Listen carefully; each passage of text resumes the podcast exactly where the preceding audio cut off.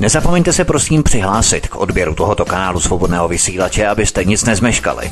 youtube.com lomeno c lomeno radio sv studio tapin radio. Dejte si prosím odebírat tento kanál kliknutím na červenou ikonku v horní pravé části obrazovky s nápisem odebírat a zaškrtněte také symbol zvonečku, abyste byli informovaní o nahrání každého nového pořadu. Tím také nepřijdete o čerstvé premiéry a rozmanité kauzy, které můžete dále sdílet na sociálních sítích. Dobrou zprávu. A tou dobrou zprávou je, že už se podařilo tedy vytvořit celé to spojení a vlastně máme na drátě jak Vítka, eh, tak pana vedoucího Klotoče. Pánové, já vás jednoho i druhého vítám v dnešním vysílání u Klábosnice. Eh, přeji vám krásný večer, přeji vám dobrý pořad a nechám vás pracovat. Ahoj. Ahoj Petře, zdravím tě, dobrá zpráva nejen pro naše posluchače, ale i pro naše pro naše posluchače i z jiných eh, podzemních prostor BIS, po případě i z jiných pater nadzemních či podzemních. Eh, každopádně vás zdravím, přeju hezký večer, od mikrofonu vás zdraví Vítek. Eh, doufáme, že ti, co jste byli účastní na našem strazu svobodného vysílače minulou sobotu, tak vám ještě jednou děkujeme. Doufáme, že se nám s námi líbilo, že se vám s vámi, vám s námi líbilo, ale nám také s vámi. Tak nicméně to jenom k tomu reminiscence, takže vítám vás všechny při pátečním večeru naší seanci alternativní spravodajské a VK taky ahoj, vítej u nás. Ahoj Vítku, ahoj Petře, já vás zdravím, začínáme skoro zase přesně pozdě, jako vždycky, a takže já vás zdravím, no zase do prvního tématu. Generální tajemník UVKSČ Miloš Jakeš už v červenci 1989 důrazně varoval před zadlužováním států u západních mocností, protože to povede ke ztrátě národní suverenity. Ve svém projevu odhalil, že státní dluhy ve skutečnosti nejsou o zlepšení života obyvatelstva, ale o získání moci a absolutní kontroly západu nad socialistickými zeměmi skrze dluhovou past. Rumunský vůdce se tomu vse přel a tak ho západní věřitelé nechali demokraticky oddělat a dnes jsou v zemi americké základny. Československo umrtím Miloše Jakeše přišlo o velkého vlasteneckého kádra Národní fronty. Ne, nadarmo se VK dokola cituje projev na Červeném hrádku Miloše Jakeše a ty ostatní jeho výroky a projevy se vynechávají, jak si cíleně jsou zapomenuty, že? Ano, jsou zapomenuty ten jeho výrok nebo ty jeho řekněme, poznámky, které tam měl tehdejším umělcům, kolik vydělávají peněz, kolik berou. To byla jenom taková poznámka. To jeho vystoupení, ono 17. července 89 k místním členům vlastně, řekněme, tamního vlastně politického aktivu na Červeném hrádku, tak se týkalo vnitropolitických problémů v tehdejším Československu týkajících se přestavby, nebo chcete-li a procesu takzvané glásnosti. A v podstatě před rokem 89 e, se tehdejší vládnoucí garnitura, řekněme strana nebo politické stranické vedení, dostalo do situace střetu konceptu řízení, konceptu zájmu, což vedlo k pádu nejenom tedy politického uh, ukotvení v Československu, ale ve všech východních zemích takzvaného východního bloku. Uh, Celé to vlastně začalo tím, že eh, řekněme skupina lidí eh, útvaru KGB v Moskvě koncem 70. let eh, de facto postupovala nebo respektive vyhodnotila něco, čemu se potom začalo říkat takzvaná doktrína Golgota. Doktrína Golgota byla de facto někdy bývá označována za program nebo projekt. Eh, ono to v podstatě bylo, eh, dalo by se říct, spíše jako zhodnocení nebo studijní zpráva, je lepší studijní zpráva, kterou si nechala KGB vypracovat na pokyn tehdejšího šéfa KGB Jurie Andropova, eh, který se potom stal de facto nástupcem po smrti Brežněva, generálním tajemníkem a šéfem. Ale Eh, vlastně tato, řekněme, eh, tato studie, toto zhodnocení zjistilo jednu zásadní dramatickou věc, eh, že ekonomická stránka marxismu, leninismu vycházející na základě a principech, které byly ověřeny v Sovětském svazu a takzvaném východním bloku za tedy za dobu Eh, od roku 1924, tedy po nástupu eh, Josifa Stalina, Oni nepočítali de facto ten proces od roku 45 od konce války, ale od roku 24, kdy tedy byl sovětský svaz považovaný za sovětský svaz onoho původního typu, to, co se odehrávalo od roku 17 do roku 24, to znamená za těch sedm let, to znamená pod vládou ještě Lenina, tedy trockistů, tak eh, tohleto v sovětských dějinách bylo e, velmi důrazně vymazáváno a odmazáváno a de facto jakoby vysunováno s výjimkou tedy té glorioly Vladimira Iliče, protože e, ten byl v podstatě nedotknutelný i pro ony, řekněme, mě sami sobě říkali reformisty, ale to bylo velmi nadnesené, protože ti, kteří byli za Stalinem, tak de facto šli onou cestou toho skutečného pravého bolševismu, když to původní model byl nastavený de facto jako, eh, řekněme, chazarské samoděržaví, které mělo za úkol vytunelovat sovětský svaz. To znamená například, řekněme, na objednávku ze zahraničí eh, z Londýna samozřejmě, které zafinancovalo celou bolševickou revoluci v roce 1917. Obě dvě mimochodem, jak tu lednovou, tak i tu listopadovou. Ale eh, tohleto, co se vlastně odehrálo koncem 70. let v Moskvě, tak de facto přivedlo vedení, tedy kádru KGB, eh, k rozhodnutí eh, provést demontáž socialismu ve východních zemích a eh, připravit procesy privatizace, de facto proces demise a likvidace budování socialismu a následně tedy komunismu jakožto hlavního produktu neomarxistických procesů. Byl, byla to tedy práce zevnitř. O tom mimochodem hovořil právě Miloš Jakeš v rozhovoru před dvěma lety, 21. srpna, eh, pro eh, pana Xavera na XTV. To je video, které si určitě poslechněte, nebo se na něj podívejte, je to na YouTube.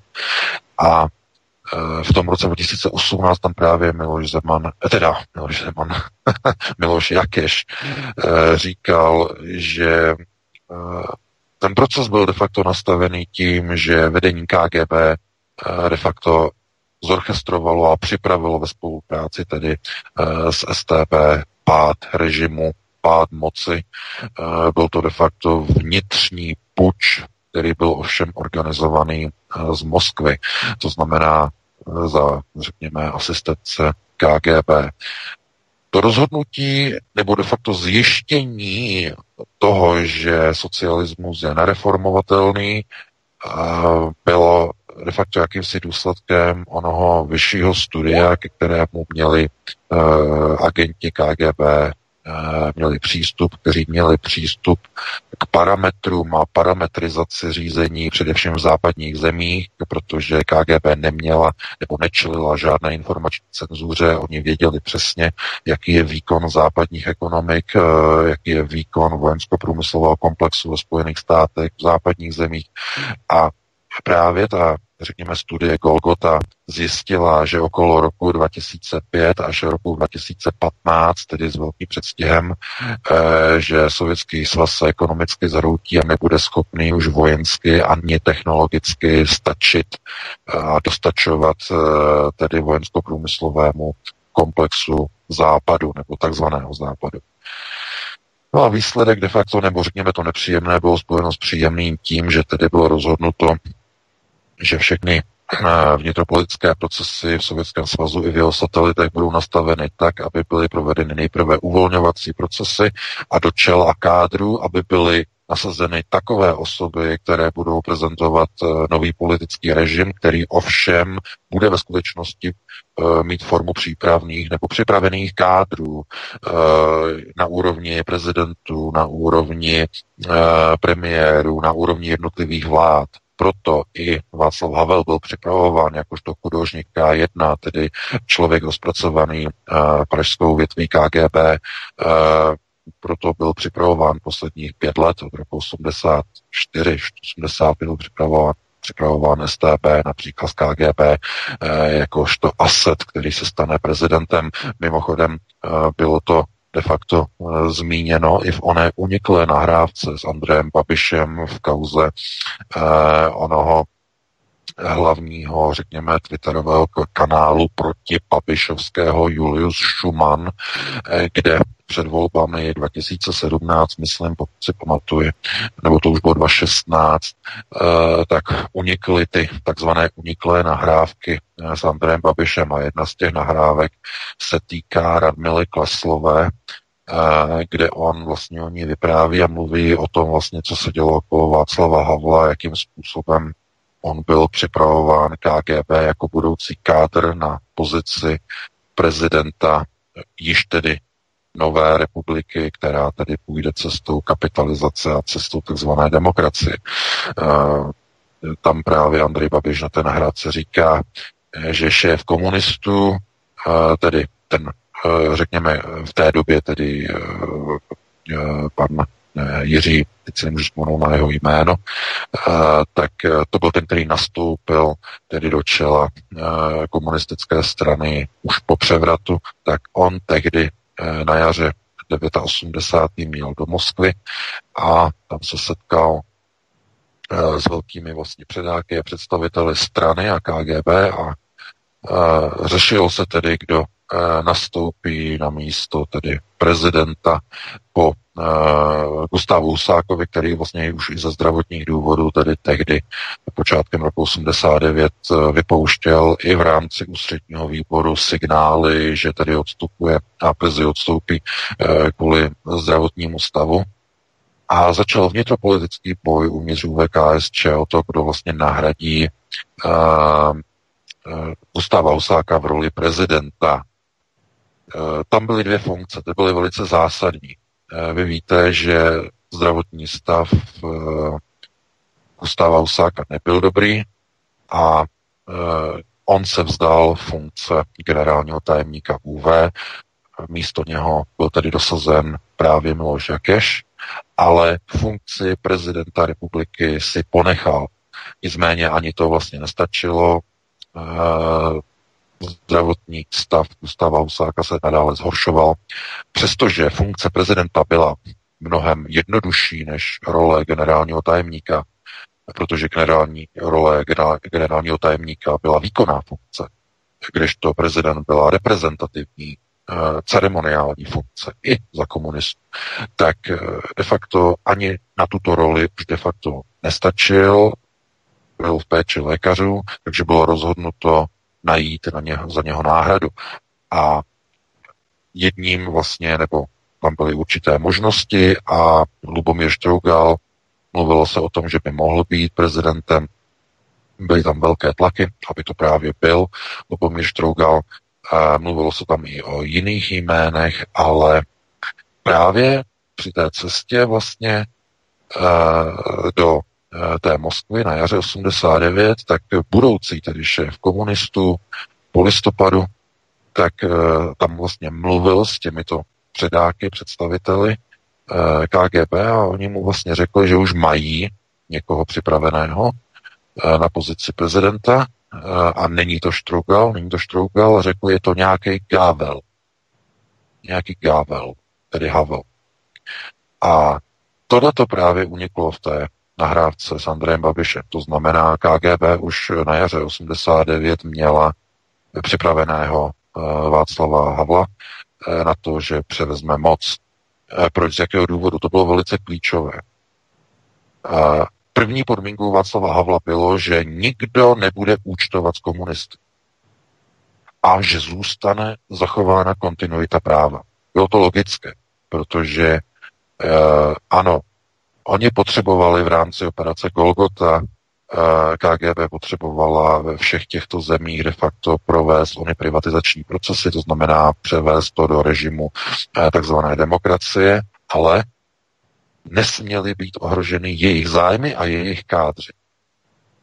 Ti, kteří byli připravováni v prognostických ústavech, ti, kteří byli připravováni na pozici šéfů bankovních hrad a tak dále, to nesmělo, to byli všechno komunisti mimochodem, anebo když nebyli ve straně, tak, tak studovali komunistické školy, studovali moskevské MGIMO, eh, studovali na zahraničních ekonomických školách, studovali ve Stockholmu, ve Vídni, nabírali od konce 70. let ekonomické znalosti o tržním hospodářství, o kterém smrtelník v Československu vůbec netušil, jak to funguje, jak to je. Takže tohle to všechno bylo připravováno v rámci onoho programu, nebo následně po programu Golgota důstojníky KGB, kteří vlastně nad tím měli hlavní záštitu v celém vlastně onom východním bloku v jednotlivých zemích. No a co asi bylo naprosto klíčové, tak došlo ke štěpení někdy okolo roku 87 na tom horizontu, kdy se Michail Gorbačov rozhodl pro skutečnou tvrdou demontáž Sovětského svazu.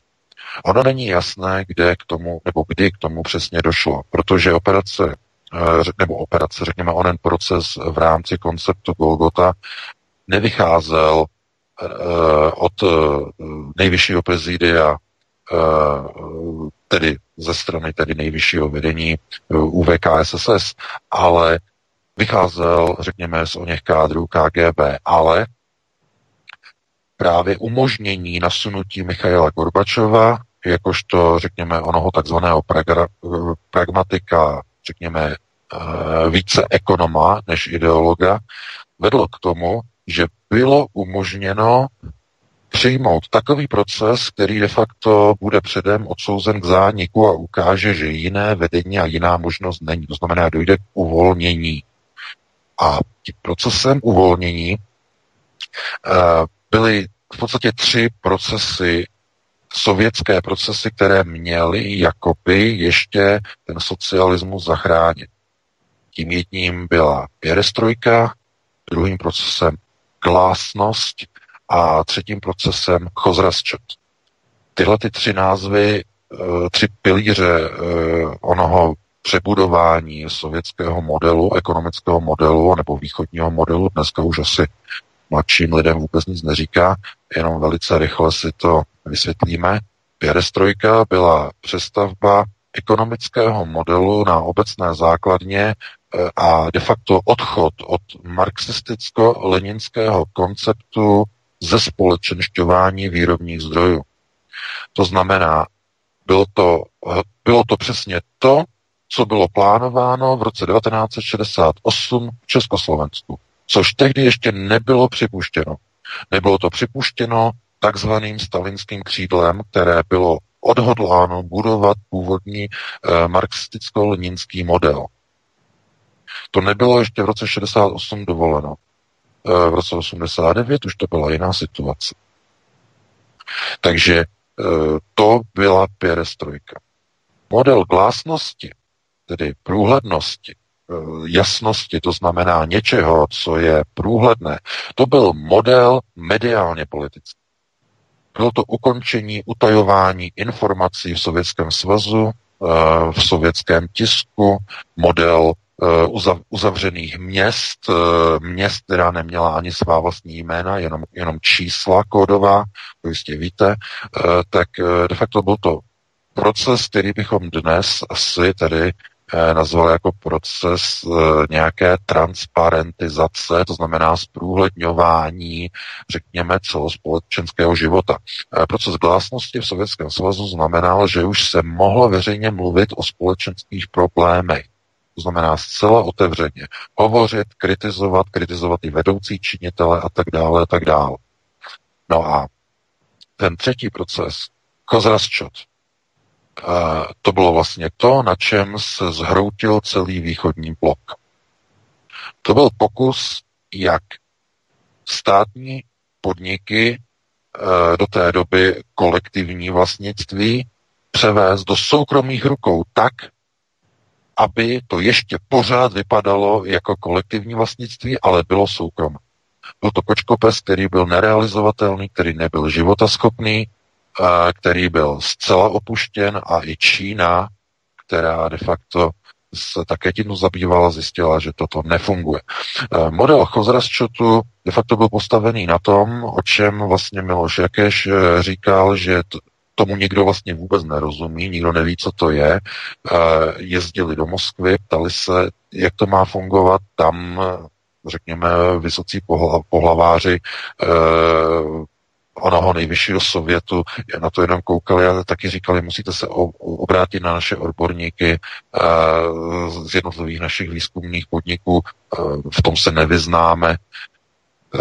Ten model velmi jednoduše spočíval v tom, že státní podniky, národní podniky, znamená to, co bylo v kolektivním vlastnictví lidu, mělo být zprivatizováno způsobem, že vlastníky těchto podniků budou skupiny zaměstnanců těch podniků. To znamená, že budou vytvořena družstva, kdy ty podniky budou, ano, de facto opravdu a skutečně budou soukromé, ale nebude je vlastnit jeden člověk, ale budou je vlastnit v soukromém vlastnictví všichni zaměstnanci.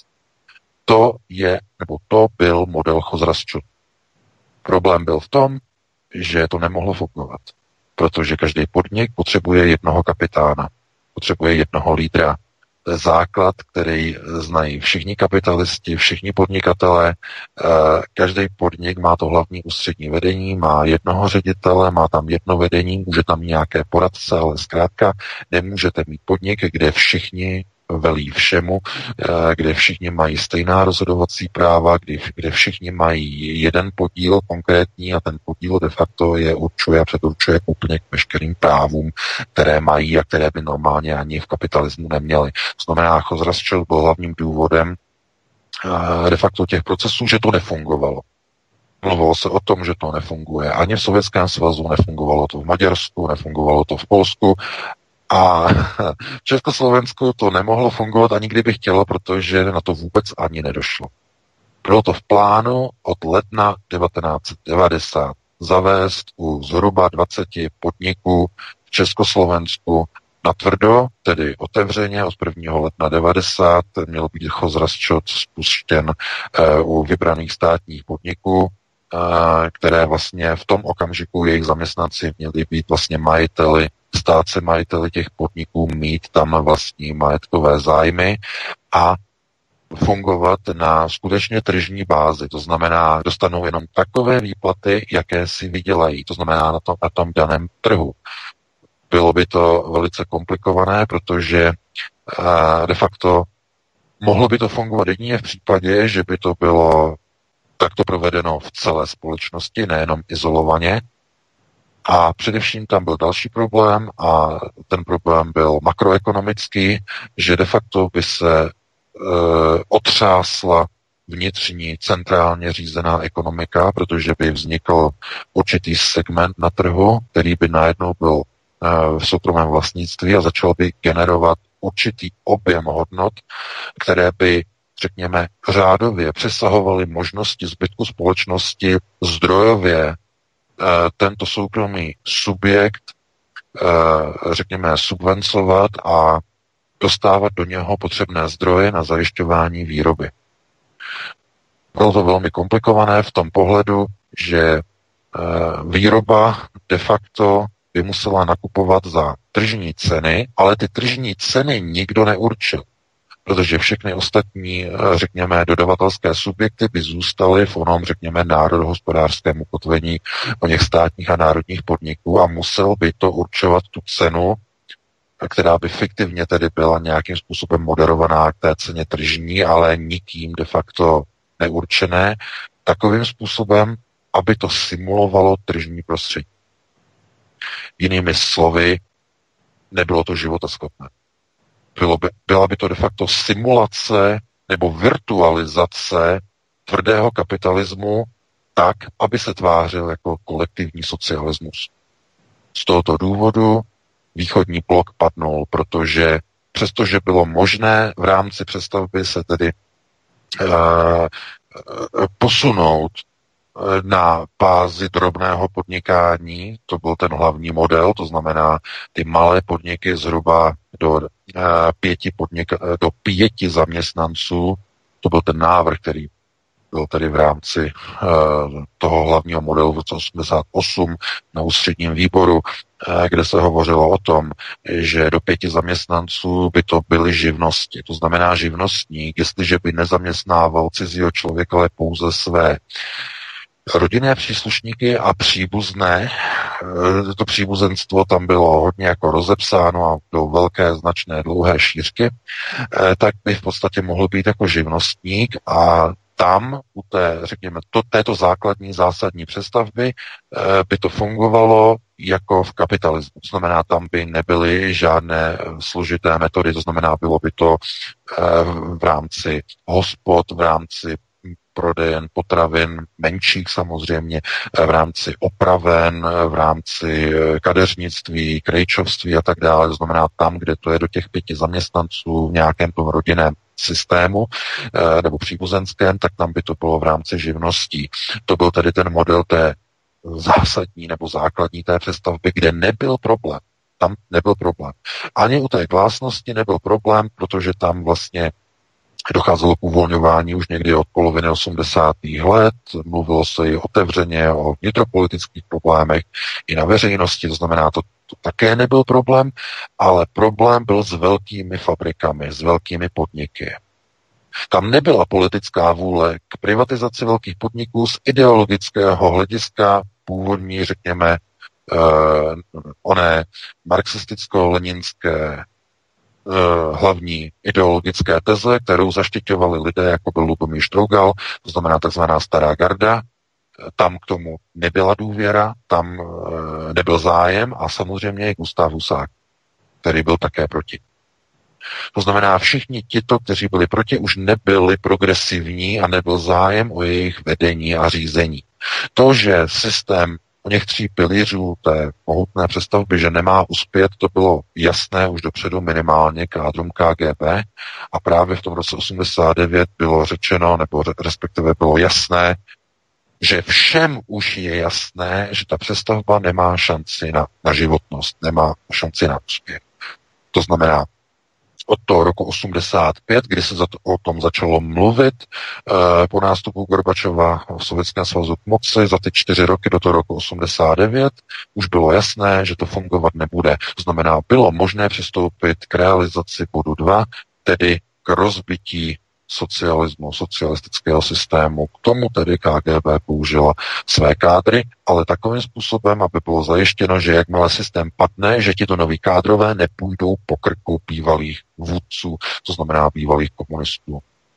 To znamená, proto Václav Havel řekl, nejsme jako oni, nikdo se nebude zavírat, eh, uděláme zatím velkou čáru, zadržíme eh, nebo podržíme si kontinuitu práva, to prosazoval samozřejmě Pavel Rychecký, byl jeden z kádrů, hlavních kádrů tohoto procesu, eh, takže nebylo možné stíhat komunisty, protože všechno, co kontinuita práva znamená, že co bylo právní před převratem, je právní i po převratu.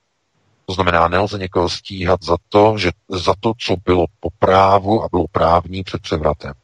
To znamená, to je ta kontinuita práva. A kdykoliv někde se zachová kontinuita práva, tak vůbec to se nedá říkat, že proběhla nějaká revoluce. Protože pokud jde k státnímu převratu, je možné mluvit o převratu, že je převratem, že to byl puč, že to byl státní převrat, jenom v případě tehdy, pokud cílem toho převratu je přerušení kontinuity práva původního, třeba i na krásně despotického režimu. To znamená vyrovnání se s minulostí, já nevím, pozavírání eh, těch představitelů minulého režimu, jejich potrestání a tak dále a tak dále a říct, všechny ty zákony, které byly před rokem 89, byly zákony despotického režimu, všechno to, co tam bylo zákonné, my označujeme nezákonné a ta kontinuita práva by byla zrušena. Bylo by řečeno, to, co bylo předtím, bylo nezákonné. Takhle fungují normální revoluce. Pokud revoluce dopadne ale tak, že se vymění, řekněme, pozice na vedoucích rolích, na vedoucích úlohách a zůstane zachována kontinuita práva, tak to znamená, že vůbec žádná revoluce neproběhla. Došlo pouze ke střídání stráží. Tím máte odpověď na to, k čemu došlo 17. listopadu 89. K výměně mocenského křídla, k naplnění tedy uh, onoho, řekněme, politického nastavení, které vlastně vyšlo z, ne, z oné studie Golgota KGB koncem 70. let, tedy pod vedením Andropova, tak de facto to bylo naplnění toho původního cíle k rozbití budování socialismu.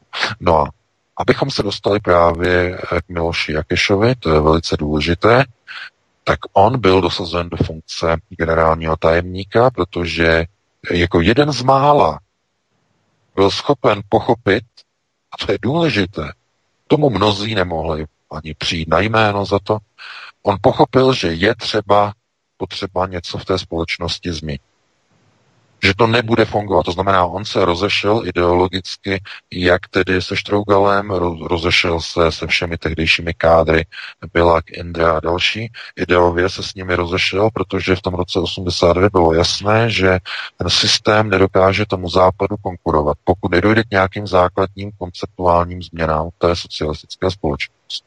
To znamená, on to pochopil. Protože on to chápal, tak byl samozřejmě dosazen do čela jako generální tajemník.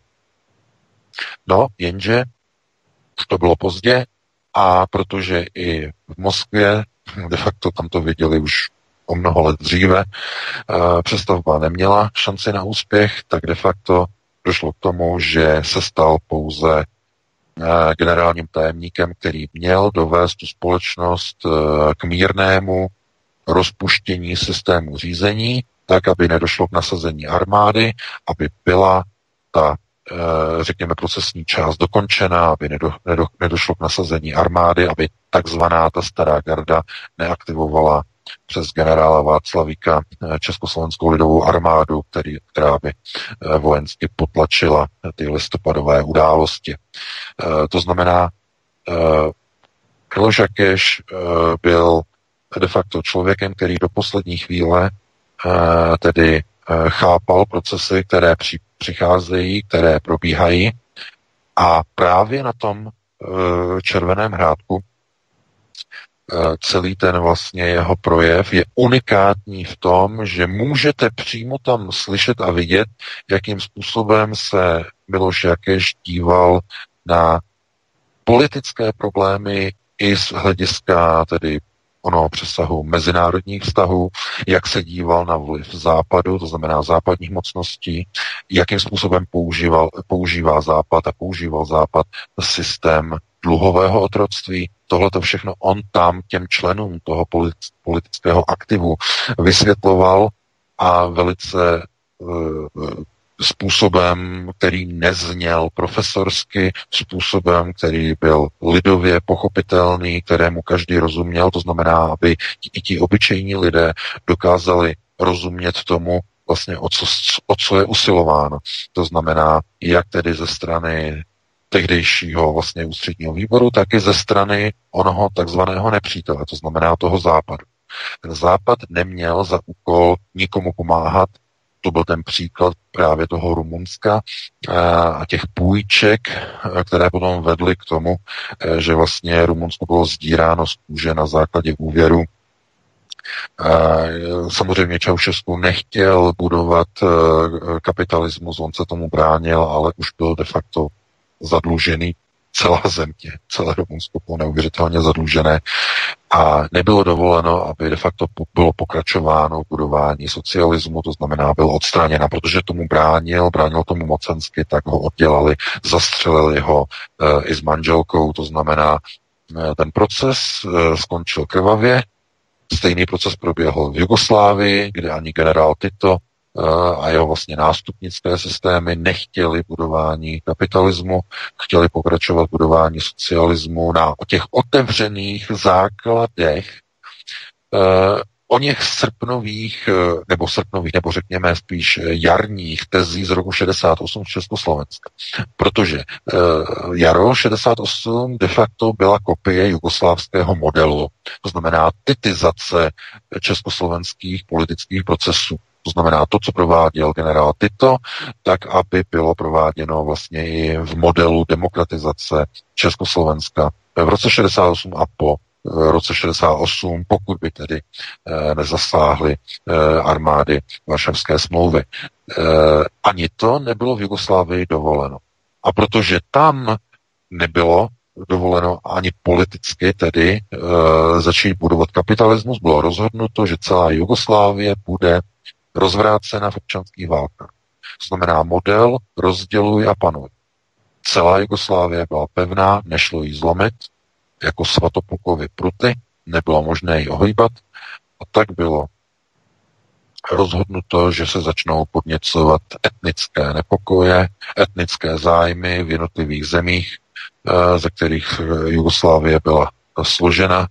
No a došlo, nebo byly, byly vlastně rozpoutány dvě války v Jugoslávii v jednom desetiletí na počátku a v druhé polovině 90. let, znamená dvě války, které rozvrátily eh, celou Jugoslávii a výsledek dnešního řízení je takový, že v Rumunsku máme americké protiletadlové protiraketové základny.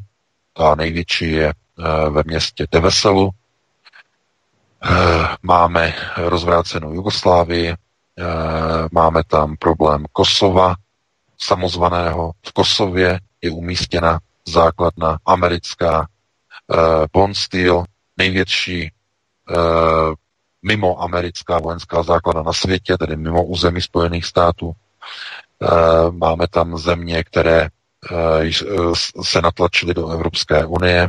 Máme tam George Sereše, eh, který si omotal, respektive jeho syn Aleksandr Vučič si omotal současného prezidenta a bývalého, řekněme, pobočníka Slobodana Miloševiče, tedy pana Vučiče, si namotal Aleksandr Soros okolo prstu Eh, tam teď rozhoduje v srbské vládě eh, Open Society. Jo, mimochodem, možná víte, že Vučič eh, přikázal na žádost Open Society otevřít romskou neziskovku v Sarajevu, tedy v Sarajevu, v, v Bělehradě. Romská neziskovka, byl tam k tomu obrovský odpor, ano, samozřejmě, tak byly tam nasypány peníze, Vůčič to inicioval. A já potom jako blázen se divím, co to, co to plekotá, pindá pan Okamura uh, zase na Facebooku, jak si tam chválí pana Vůčiče. No, jak říká Pětkin, je to děbíli samozřejmě, ale tohleto je ten hlavní politický model, kdy uh, lidé se nezajímají vůbec o to, uh, kdo vlastně obklopuje tyto lidi. To znamená eh, jednotlivé kádry.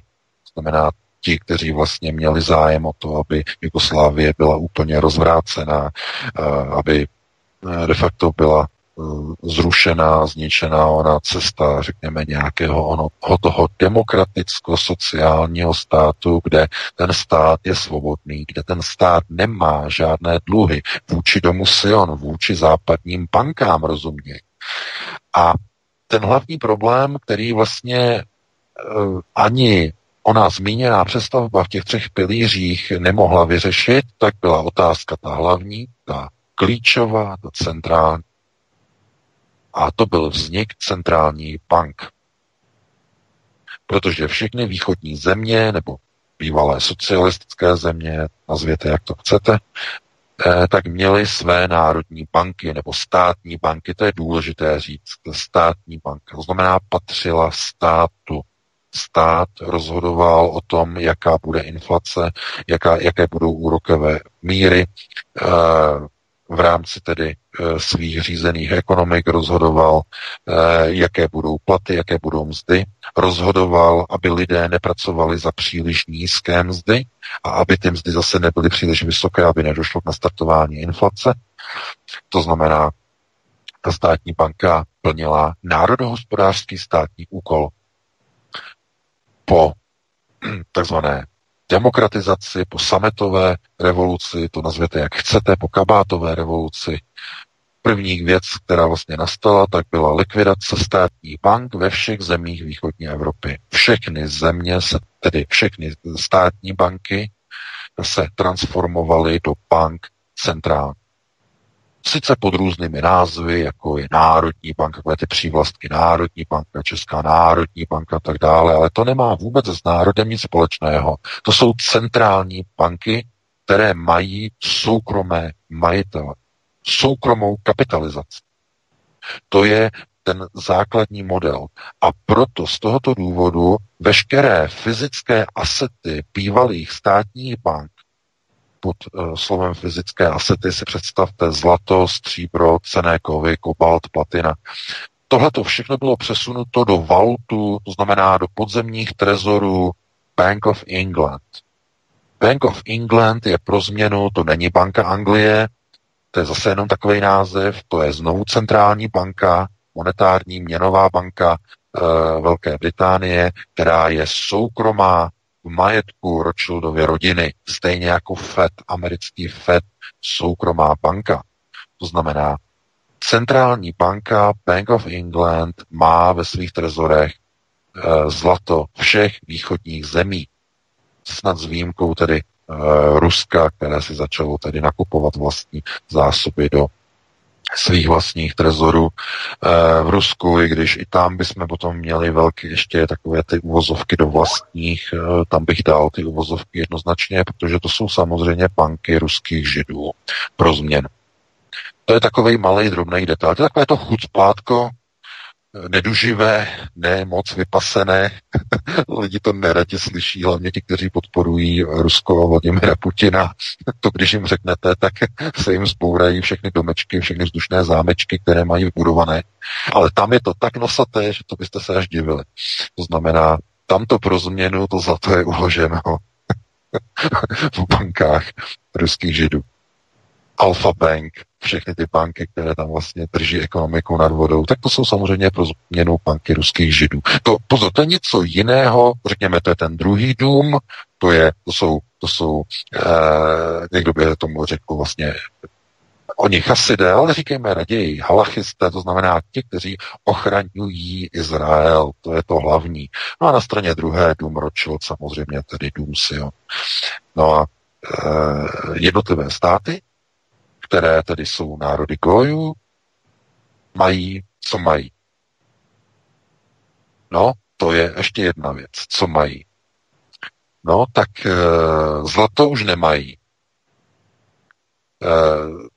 mají tedy dluhy, mají tedy hypotéky, mají malé platy, čtvrtinové v České republice.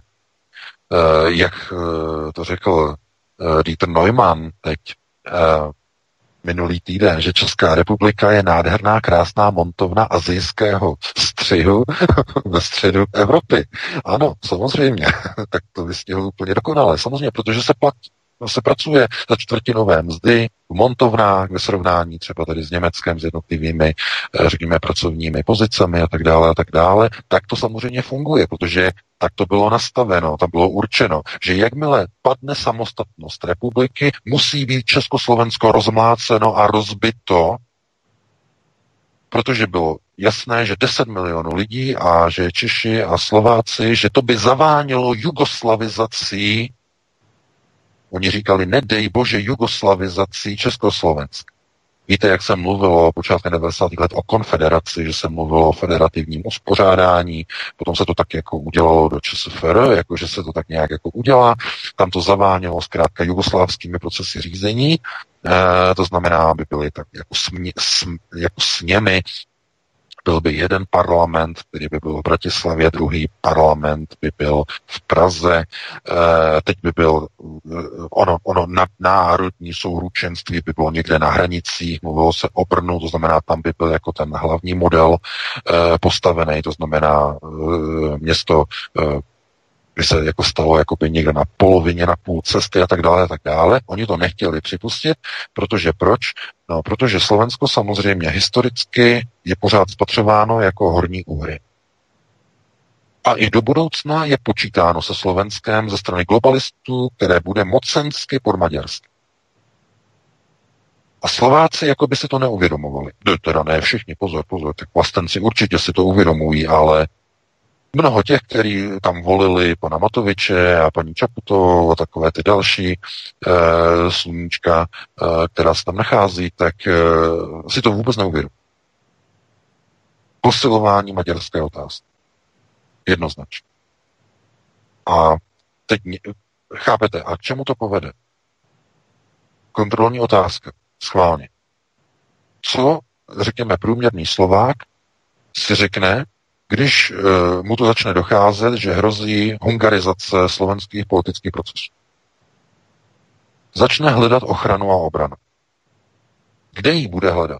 No pozor, pozor, pozor, už ji nebude hledat uh, ve spojení uh, s, Čes, s Čechy, už ne. Bude hledat ochranu v Trojmoří. U amerických neokonů. Bratři.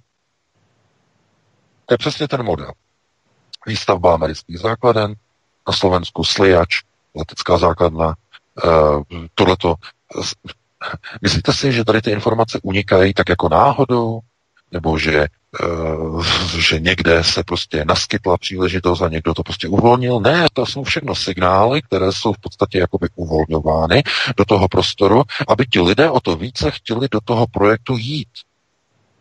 To znamená, ten projekt onoho Trojmoří je postavení se v Evropě v rámci procesu řízení proti vzrůstu a posilování procesu Berlína. Berlín, který de facto představuje dnes novou hrozbu, to znamená hlavním lídrem Evropské unie, což ohrožuje procesy domu Sion zcela stejným způsobem, jako eh, řekněme eh, v roce 41, eh, kdy de facto Německo se rozhodlo vtrhnout do Sovětského svazu bez toho, bez asistence, eh, s financováním a s uvěrováním na válečné úsilí ze strany domu Rothschild. To je ten článek, který jsem tam napsal, to tam určitě jste už četli na Aeronetu. To znamená, eh, že to je přesně ten model, to znamená snaha, aby vznikl uprostřed Evropy určitý, řekněme, blok který bude tady vypadat jako, že je blokem, který nějakým způsobem vychází eh, ze Spojených států, ale ve skutečnosti to není pravda. Je to blok, který navrhl Dům Rothschild, kterým se snaží oslabit pozici a růst Berlína. Berlína, který se znovu zbavuje okovů, eh, který se vymyká kontrole už eh, začaly procesy proti Spojeným státům, uvalování sankcí na Spojené státy za sankce Spojených států na, na eh, tady německé firmy, které s Rusama stojí, eh, tedy staví eh, plynovod Nord Stream 2. To znamená, dříve by to nebylo dovoleno, najednou to prochází, najednou to probíhá a ukazuje se, že tohle to už není ta globalizace, kterou si představuje Dům Rothschild, který usiluje o obsazení ruských nerostných zdrojů už od druhé světové války, no ono už, už od té první, ale od té druhé zejména. Takže k čemu by mohlo dojít? No znovu, oni, se, oni to vědí, oni nejsou tupí. V Londýně, v City, Rothschild není tupý. On je všechno možný, ale tupý není. On to vidí naprosto dobře. Jedinou moc, kterou drží nad kojskými národy, je dluh. Dluh. Dluhový systém. Dokud jsi dlužník a dokud uznáváš ten dluh, tak posloucháš. Ale pokud najednou začneš bohatnout jako Německo, pokud nemáš problém se splátkem, nepotřebuješ už si další peníze půjčovat, najednou už přestáváš být ovladatelný. Už najednou neposloucháš všechny ty e, příkazy všech těch poručenců, všech těch neokonů a další. To znamená, najednou se vzpíráš, najednou buduješ s těma Rusama ten plynovod a ten plynovod ti nepatří. Řekne Rothschild ve směru k Německu, ten nepatří vám, ten patří nám. Ten je náš. My jsme připravili velkou říjnovou socialistickou revoluci v Rusku v roce 1917 za naše peníze. To je náš plyn, který vy do Německa si chcete tahat a potom ro, eh, rozprodukovávat a rozprodávat společně s Rusy, s těmi mužiky. To je náš plyn. Vsteká se vstekem Rothschild v Londýně. To si nedovedete představit. Proto pouchnul do stolu a řekl, tak to ne. Musíme poslat do střední Evropy naše lidi. Koho máme na výplatní pásce? Neokony, americké zbraně musí vytvořit trojmoří. Musí vytvořit blok mezi Německem a Moskvou. A proto všechny země střední a východní Evropy najednou na povel domu Rothschild dělají své zahraniční politiky ve prospěch americké armády a amerických bratří. A tu pigojové, kteří nerozumí procesům řízení a kteří nemají e, konceptuální gramotnost, se na to dívají a říkají si, jak je to možné? Kde se to bere? Chápete? To znamená, nedokážou dohlédnout na, e, řekněme, ten důvod, tu příčinu toho, kde se vlastně bere to, že někdo dělá domácí politiku, dělají, dělají, dělají, ale pokud jde o tu zahraniční, tak všechna je doslova přisátá těmi sosáky, těmi náústky na tu americkou neokonskou zadnici takovým způsobem, že ji nelze odtrhnout. To je ta Babišova vláda, to je ta vláda v Polsku, no konec konců na Slovensku, v Maďarsku, v Bulharsku, v Rumunsku, eh, v v zemích bývalé Jugoslávie samozřejmě. Konec konců v téhle chvíli dokonce už je v Srbsku ta slastná slova pana Vučiče na adresu amerických bratří, na adresu neokonů a jejich armády, která jenom vedle v Kosovu, v okupovaném Kosovu má největší eh, základnu. To je tak trapné. A potom se objeví politici, kteří Vučiče ještě chválí. Jak říkám, jak jen, jak říká, e to tě píli naprosto nech, nechápou, co se v Evropě děje. A tyhle, tyhle lidi potom dělají alternativu a ještě se alternativou zaštiťují. Vučič si dává dostaveníčka schůzky v Bělehradě s Alexandrem Sorošem, který po otci Georgeovi, který už přijímá nějakou nemoc, teď jsem se dozvěděl, tak přebírá po něm e, všechny aktivity v rámci Open Society. A on chce dělat pořádky, on o tom mluvil. On měl to povídání, je to dokonce, myslím, i na YouTube, eh, kde říkal, že by chtěl vložit více dynamiky do procesu proti nenávisti a proti dezinformacím a že je třeba používat více peněz na to, aby eh, vlády jednotlivých zemí a jednotlivé parlamenty přijímaly více zákonů proti lidem, kteří nezdílejí, nezdílejí liberální a multikulturní hodnoty v Evropě. To znamená, ten syn jeho, ten Alexander Soros, je mnohem nebezpečnější než celý jeho otec. A Vučič se s, s ním e, má zasedání vlády a tam na, naproti sobě, proti stolu se tam dohadují a Vučič zakládá e, romské neziskovky v Bělehradě, které tam potom řádí jako, jako utržené ze řetězu. To ještě bude jeden článek, co tam provádí ta neziskovka, teď založená nedávno. E, chápete? A potom se objeví politici České republice na alternativě, kteří ještě potom Vučiče chválí. Jak si opravdu někdy připadá, jako co to je? žijou někde v nějaké bublině izolované, si někde myslí, že uh, Vučič, který uh, je, je totální liberál, uh, který se za 20 let uh, překlopil způsobem, že Srbové o něm říkají, že to je největší národní vlastně zrádce a potom ho někdo bude obdivovat. No představte si, kdyby, já nevím, třeba někdo z alternativních politiků třeba z alternativních politik, já nevím, třeba eh, z národní demokracie, třeba Adam Bartoš, kdyby najednou začal si dávat schůzky s Georgem Sérešem nebo s Alexandrem Sérešem. Jaký, by to byl skandál, pro příklad. Nebo pan Vandas by se třeba začal, že z dělnické strany by se začal scházet s takovými lidma. Kdyby to byl křik, co to znamená, co to je prostě za chucpe. Vidíte, ale právě to je to, je to když uh, lidi nekontrolují politiky. Lidi mají ty svoje mesiáše, to znamená uh, budulínky, uh, kulíšky. To znamená budulínkovská politika, budulínek, jen dva prstičky strčíme, hned zase půjdeme. Budulínek to je ten debil, který je vevnitř, to znamená, rozuměj, budulínek rovná se volič. A kulíšek, to je pro změnu zase příznivec nějaké strany nebo nějakého politika. To znamená, budulínkovské procesy a kuliškovské procesy jsou dva nejnebezpečnější likvidační národovecké vlastenecké procesy, které vůbec můžou být, které můžou existovat. Já jsem pro ně připravil takového, jako to jsou takové moje osobní jako označení tady těch lidí, jo. Já nevím, jak, jak to nazvat, ale opravdu to je přesně ono, to přesně sedí zkrátka na ty lidi, že vy tedy uh, žijete v nějaké bublině, kterou si představte jako jeskyni, ten budulínek je skovaný v té, jeskyni.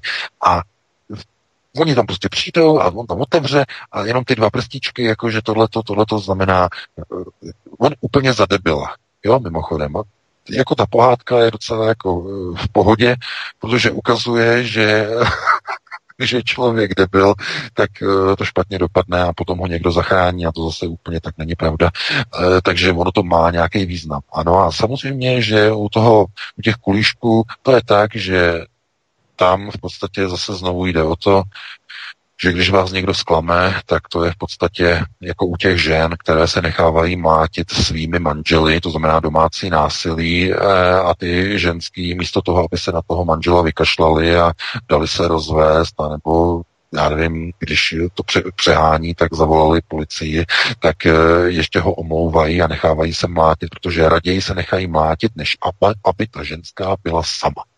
Protože jí děsí, že když bude sama, bude úplně k ničemu. To znamená, nebude mít cenu, nebude mít hodnotu, bude se připadat odvržená, znamená, radši bude mít toho manžela, který jí mlátí a bude ho zbožňovat, protože aspoň někoho má. To znamená, to je typický kulíškovský proces. Ten kulíšek trpí. Ten kulíšek trpí těmi procesy toho politika a potom se diví, co ten politik dělá. A nebo nedělá. Co by měl dělat, nedělá. To je druhá možnost. No a na alternativě se tím zabýváme, na alternativě to kritizujeme, no oni potom na nás zase útočí za to, že na to upozorňujeme, že se na to díváme a že to je prostě špatný. Ale ne. Co se týče evropských procesů v Evropě, tak momentálně je velmi málo politiků těch kvalit, jako byl Miloš Jakeš. Tím bychom to mohli uzavřít, protože on prošel dlouhou politickou etapu. On poznal a rozuměl, řekněme, o něm původním eh, marxisticko-nímským tezím, to znamená, že přece ten dělník nemůže být utlačovaný a nemůže brát ty čtvrtinové mzdy za tu těžkou práci, zatímco ten, kdo to vlastní, ten kapitalista ho vykořistuje. To je ten hlavní model. Vidíte, uběhlo několik desetiletí a dneska lidé pracují v nadnárodních montovnách za směšné peníze. Ty montovny vydělávají nadnárodním matkám stovky miliard dolarů. Proč se nepodělí s těmi zaměstnanci o rozumné, seriózní mzdy? Aby nebrali čtvrtinové mzdy, ale mzdy aspoň v poměru jedna ku jedné tady vůči Německu. No, protože se jedná o vykořišťování. Přesně jak popisuje uh, Marx v kapitálu. To je vykořišťování. Jednoznačně. A proč lidé jsou ochotní tam pracovat? A proč kdyby tam neměli tu, minima, tu minimální mzdu, kterou mají, nebo ona není minimální, oni jim dají víc, ale ne tolik víc, kolik by měli dostat, tak jim to stačí jenom tomu, aby poplatili to, co mají, a aby mohli splácet půjčky, protože na to nemají, aby si na to našetřili. To znamená, aby měli na to základní a aby si mohli Eh, jednou za rok našetřit na tu Jugoslávii nebo tak podobně a na to, na co nemají, tak aby si na to mohli vzít půjčky, aby se dostali do toho příjmového pásma, kdy ještě tu půjčku jim banka nebo e, ta organizace schválí, aby si to mohli vzít na úvěry. To znamená, to je jenom tolik vám ty soukromé podniky dají v tom kapitalismu. Nedají vám víc. No a protože v některé společnosti si to lidi nenechají líbit, to znamená někde eh, ty peníze musí být lepší, tak tam se platí více. Ale ty podniky mají tendenci de facto tu výrobu přesou, přesouvat do zemí, kde je nejlacinější výrobní síla. No a proto vlastně ten výrok o tom, eh, že vlastně Česká republika je de facto montovnou azijského střihu eh, uprostřed Evropy. Nad tím by se měl asi někdo zamyslet, když tohle řekne hlavní eh, ekonom eh, a poradní ekonom vlády, ekonomický eh, vlády eh, a ekonomických vlastně rady eh, Angely Merkel. Takže to ně, někdo, minimálně někdo by se měl zamyslet, jestli je to ještě pořád košer pracovat v České republice po 31 letech od, řekněme, chucpe revoluce za čtvrtinové mzdy, když ve chvíli, kdy člověk pracuje v České republice za čtvrtinové mzdy, těch montovnách, těch fabrikách a tak dále, tak v té samé chvíli veškeré služby, veškeré zboží a veškeré náklady v České republice už jsou plně na úrovni cen jako tady v Německu. To znamená ceny potravin, ceny oblečení, ceny nájmu, ceny nemovitostí, ceny automobilů, ceny spotřebního zboží, všechno je srovnatelné v poměru jedna ku jedné s aktuálními cenami zboží a služeb tady Německu. A co víc, a to je velké chucpe, mnohdy v tom Česku je ještě dražší. Například právě ty potraviny. Ještě mnohem dražší, nebo ne mnohem, ale o něco. Ještě dražší. Ale přitom mzdy jsou v Česku čtvrtinové, někde třetinové. Jak je to možné? Jak je to vůbec dovoleno? Jak je to akceptováno? Co to znamená? No to znamená, že po 30 letech lidem o tři čtvrtiny klesla životní úroveň. To je jediný výsledek. Protože i po 30 letech pracujete za čtvrtinové mzdy, ale ceny uh, už tomu neodpovídají. To znamená, ceny jsou srovnány tady s Německem zcela jednoznačně a mzdy tomu neodpovídají v České republice. Nebo snad někdo by řekl, že v České republice jsou stejné mzdy jako tady v Německu? Něco mi uniklo? No to asi ne. Tak jak je to možné? Jak je to možné? Jak bylo dovoleno, že v České republice jsou stejné ceny jako tady, když vy tam pracujete za čtvrtinové mzdy? Co je to za bordel? A přesně vám řeknu, to je vykořišťování. Přesně to, o čem hovořil Miloš Jakeš. Můžete nenávidět komunisty. Můžete říkat, že jsou to bolševici, můžete říkat, že jsou to nějaký socialisti, ale ne. To zkrátka jsou lidi, nebo řekněme ti, kteří opravdu tady rozumí a minimálně jednou si kapitál přečetli, tak to jsou ti, kteří, kterým není lohostejné, eh, že lidé Češi jsou vykořišťováni a že pracují na bohatství cizích západních společností, dostávají čtvrtinové mzdy, ale když jdou do obchodu s tou čtvrtinovou mzdou, musí platit stejné ceny, jako se platí tady v Německu německým zaměstnancům, kterým zbyde mnohem víc z té výplaty. A podle toho byste měli chodit k volbám. Jak to udělat? Jak to zařídit, aby byli politici, kteří přijmou takové zákony a taková opatření, aby nedocházelo k vykořišťování lidí v České republice. Během jejich práce, aby byly uh, platy odpovídající aby zahraniční koncerny, řetězce, které podnikají v České republice, aby platili odpovídající mzdy, jako platí eh, takzvaně na západě západním zaměstnancům. Jak to udělat? Jak zrušit ten status azijs, eh, montovny azijského střihu z České republiky, znamená, aby nepřipomínala montovnu azijského střihu. Jak to udělat? No jedině tak, že budou zvoleni do řídících procesů úplně jiní politici, rozumějí pro národní politici, kteří s tímto vykořišťováním zatočí. Kteří vůbec budou chtít, budou mít vůbec, bu, budou mít vůbec ánung, budou vědět, co se to pro Boha děje po 31 letech. Budou mít ánung, aby pochopili, že je třeba něco dělat. Tohleto já se obávám, že by bylo na dlouhou diskuzi. Já myslím, že lidé eh, chápou, jaké jsou problémy. Já teď zjišťuju, že jedno téma přetahujeme strašně dlouho. Mluvím o tom skoro hodinu.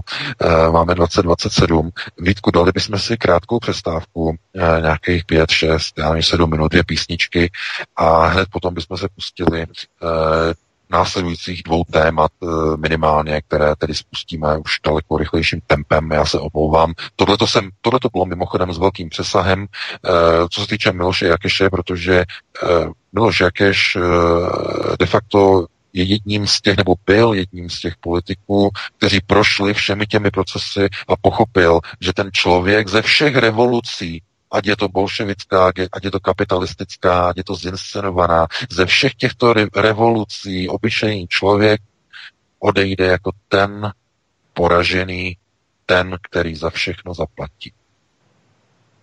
Proto si velice vážím, cením si eh, odkazu eh, Miloše Jakeše, jeho, on dojde do cenění mnohem později, tahle generace ho, myslím, eh, nedocení. Eh, to je asi, asi jasné, ale dojde o docenění, dojde ocenění ve chvíli, kdy vyroste nová generace a kdy si někdo uvědomí a konečně si uvědomí, že národ eh, stojí na rodině, na tradiční rodině a ta tradiční rodina musí vychovat člověka, který se nenechá vláčet a zdírat z kůži. A to musí zajistit politické strany a jedno, jestli to je strana, která je komunistická, nebo která je alternativní, nebo je vlastenecká, nebo jakou příponu, jako, jaké přízvisko, eh, eh, nebo přídavné jméno, jaké má, to je úplně jedno. Zkrátka taková strana, taková politická reprezentace, která bude myslet na lidi, na ty vlastní ve své vlastní zemi. Takže takhle bych to ukončil, no a dáme si tu přestávku. VK, myslíš, má cenu opravdu na těch půl hodiny, která nám zbývá, dát eh, písničky, protože budeme začínat ve 40 nebo v 8 a 30, to je 20 minut. Eh, nedáme to, nedáme no. to do těch devíti. Eh, já se musím občas trošku, já už mám úplně sucho v krku, víš, takže... Jasně, tak já... kdybych třeba mluvil čtyři minuty, stačilo by ti to, no, Nebo dál... podívej se, mně je to jedno, já potřebuji aspoň pět minut prostě si dáchnout, jo, tak pět minut můžeš něco prostě říkat, nebo to okomentovat, jo, mně je to jedno, jestli pustíš písničku, je mi to úplně jedno. Ale budeš to nějak slyšet, eh, co tady budu mluvit, abys na to mohl potom zareagovat? No, budu, no, za pět minut jsem spát. Dobrý, ok. Já jsem chtěl totiž, eh, jak si VK nadnesl tu věc eh, kolem té sametové plišové barevné taškařice, kterou s námi tady udělali v tom listopadu 1989. A ty si tady zmínil totiž Radmilu Kleslovou, která v podstatě nějakým způsobem byla zaangažována do těchto procesů a viděli jsme ji právě od toho roku 2012 znovu na politické scéně v České republice. A já bych tady právě začal úplně od toho našeho nejvyššího, teď, kterým je Andrej Babiš. Myslím samozřejmě v nadsázku a v úzovkách Andrej Babiš.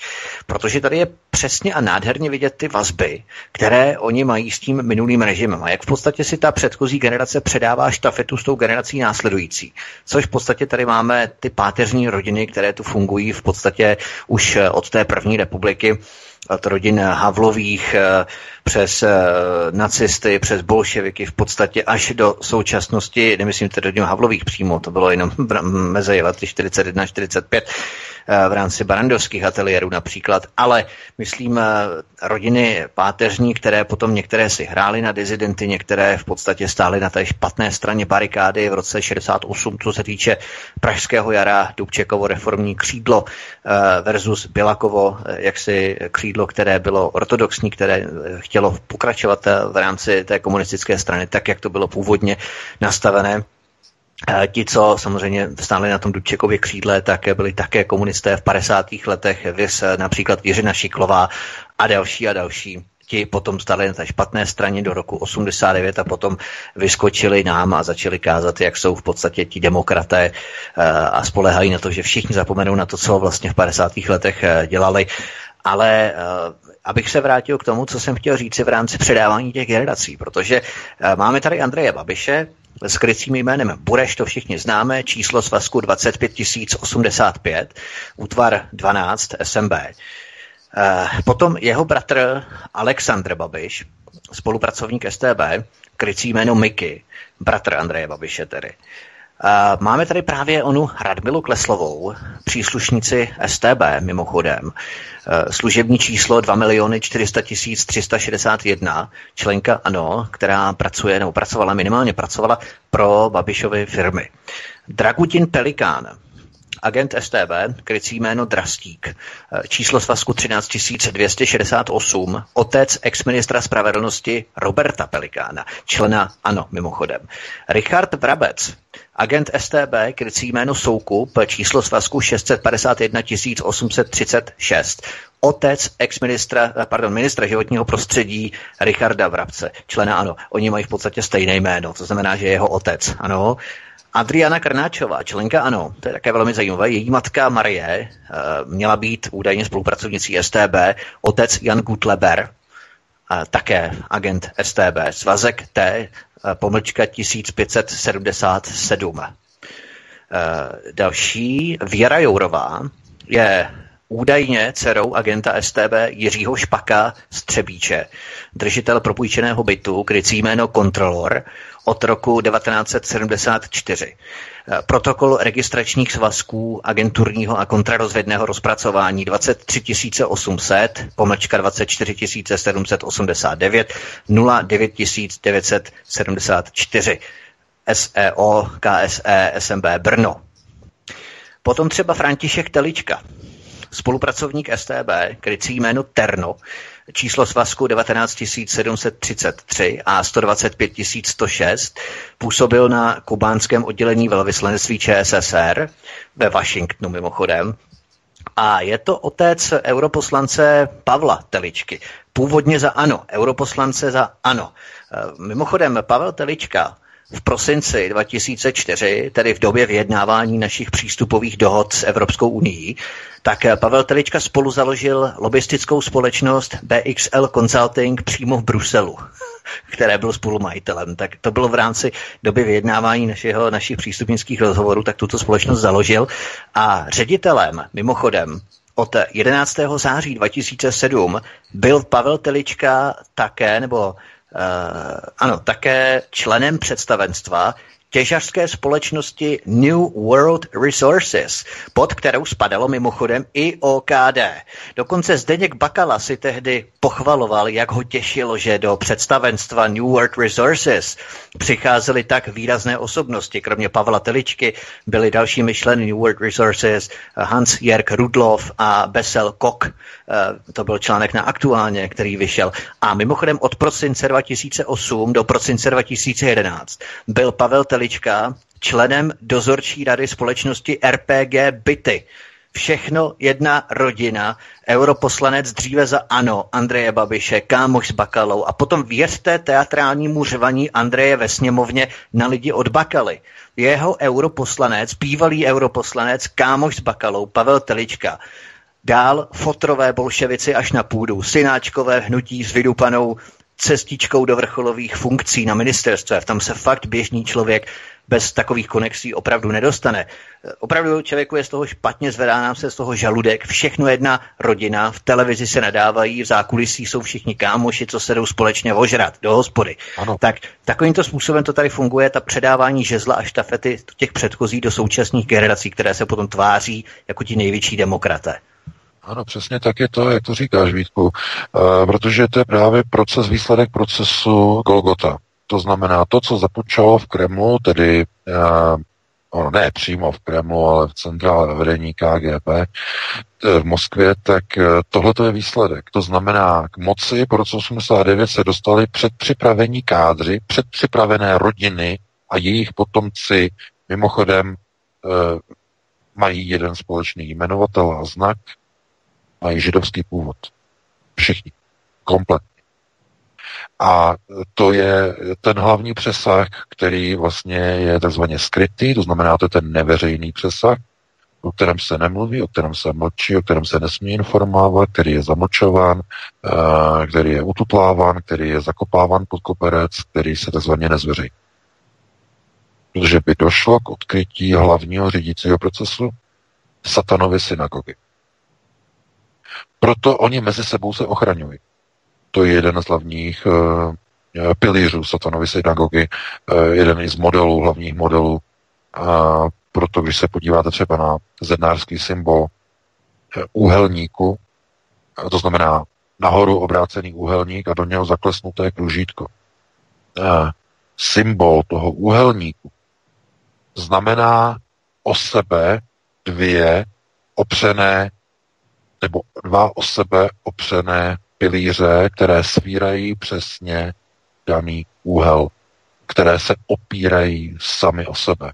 jako když si představíte střechu, sedlovou střechu, to znamená má úhel, sedí, tak ten vrchol té střechy se opírá o sebe, znamená uh, ty klády, uh, ty jednotlivé vlastně ty, uh, ta pětnění vlastně té střechy, ty podpěry se opírají o sebe, vytváří úhel. No a symbol toho úhelníku je tedy vzájemné se podpírání. To znamená, jaký je symbol úhelníku, symbolu zednářských loží? Vzájemné podporování. Ten úhelník do pravého úhlu, ten obrácený vzhůru nohama, je vzájemné podporování. Proto členové všech loží se mezi sebou chrání, kryjí vzájemně, aby jeden druhého nebonznul, neprásknul a když ten druhý má problémy, aby ho podržel. Protože když půjde dolů on, on může začít takzvaně práskat, může začít odhalovat, znamená všichni se drží takzvaně pohromadě všichni Andrejové, všichni Bakalové, všichni vědí na sebe, co by mohlo být, kdyby bylo, kdyby se zachtělo a tak dále. Vzájemně se drží, to znamená, oni pilíře jsou zaklesnuty do sebe v symbolu úhelníku. To znamená, všichni jsou pod rytem nebo pod, za, eh, nebo pod svatavou. To znamená zástěry, jarmule. Jedno nebo druhé. A někdo si potom myslí, jako třeba, že e, přece když spolu všichni kamarádí, tak pro boha, proč proti sobě jdou? Na to já vám odpovím otázku. Šli byste se dívat na fotbalový zápas, kdyby tam proti sobě hráli hráči z jednoho týmu? Otázka. No asi byste nešli, ne? A teď druhá otázka. Když si uvědomíte, že byste šli k volbám a všechny politické strany by byly z jednoho týmu financované, šli byste k volbám? A máte odpověď. To znamená, tohleto je konceptuální gramotnost. A pokud tohle chápete, tak potom víte, že jedinou cestou, jak zachránit národ, je ochrana vnitřního kruhu rodiny. Protože pouze v té rodině máte kontrolu nad budoucností národa. Koho vychováte, takový bude národ. Jedině tam, v té rodině. Proto se snaží vám děti brát. Proto se snaží uh, všechny ty juvenilní justice odebírat děti, dávat je do homosexuálně posunutých rodin a tak dále. To znamená, aby byla rozbita vnitřní rodina. Tohle to je ten hlavní moment, který uniká drtivé většině veřejnosti. My o tom tady hovoříme, ale my se musíme pustit do dalšího tématu. Já bych navrhnul eh, Vítku eh, pustit se do toho tématu eh, toho posledního Florida. článku, protože ten je asi Jasně. naprosto zásadní a klíčový. Určitě. Možná, to... No. VK, kdybychom to propojili s tou Francií, protože ono to spolu v podstatě souvisí. Jo. Ono, já jsem to chtěl právě s tím provázat, protože právě Francie od 1. srpna znovu zavede celoplošné a povinné nošení roušek na veřejnosti. Ve Spojených státech se už objevují názory, že po dobu několika následujících let bude nošení roušek povinné všude a celoročně.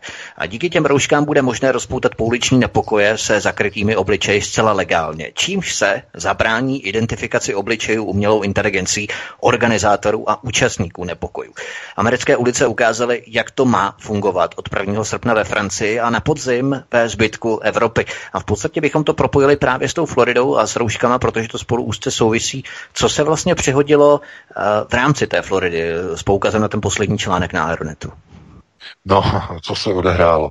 Ozvala se nám do redakce paní Karolína, eh, která žije ve Spojených státech na Floridě eh, se svým manželem a seznámila nás s neuvěřitelnou informací, s neuvěřitelnou událostí, která se stala přímo v jejich vlastně rodině nebo v rodinném kruhu nebo v širším rodinném kruhu. Co se stalo rodině bratra jejího manžela? Eh, jeho syn, tedy eh, bratra jeho manžela, eh, ukončil tedy studium na střední škole a oni měli nějaký večírek, měli s kamarádama nějaké závěrečné rozloučení a tam vlastně se zjistilo, jejich syn zjistil tedy, že oni byli pozitivně, asi čtyři kamarádi byli pozitivně testováni na COVID-19 a tak tedy z obav, že tedy něco je, tak rodiče nechali tedy svého syna testovat v Clermontu na Floridě. No a ten test zaplať pámbu vyšel negativně ten test probíhal tak, že vlastně přišli k lékaři v Clermontu, eh, ten měl připravené testy, eh, Oni, on teda použil eh, ty stěrové tyčinky, ty stěrové testy, znamená, ty se strčí do nosu a udělá se stěr takzvaně nosohrtanu, tedy nosohltanu, dělá se stěr a tohleto, a to je jako ten model, ten model toho testování. Tohle to proběhlo, test byl udělaný na počkání do 20 minut, a vyšel negativně. Takže v pohodě, pohodička. Jenže druhý den e, kluk onemocněl, začal být nemocný, e, bolest, e, zvracení, tohle to všechno. To znamená, najednou byl nemocný.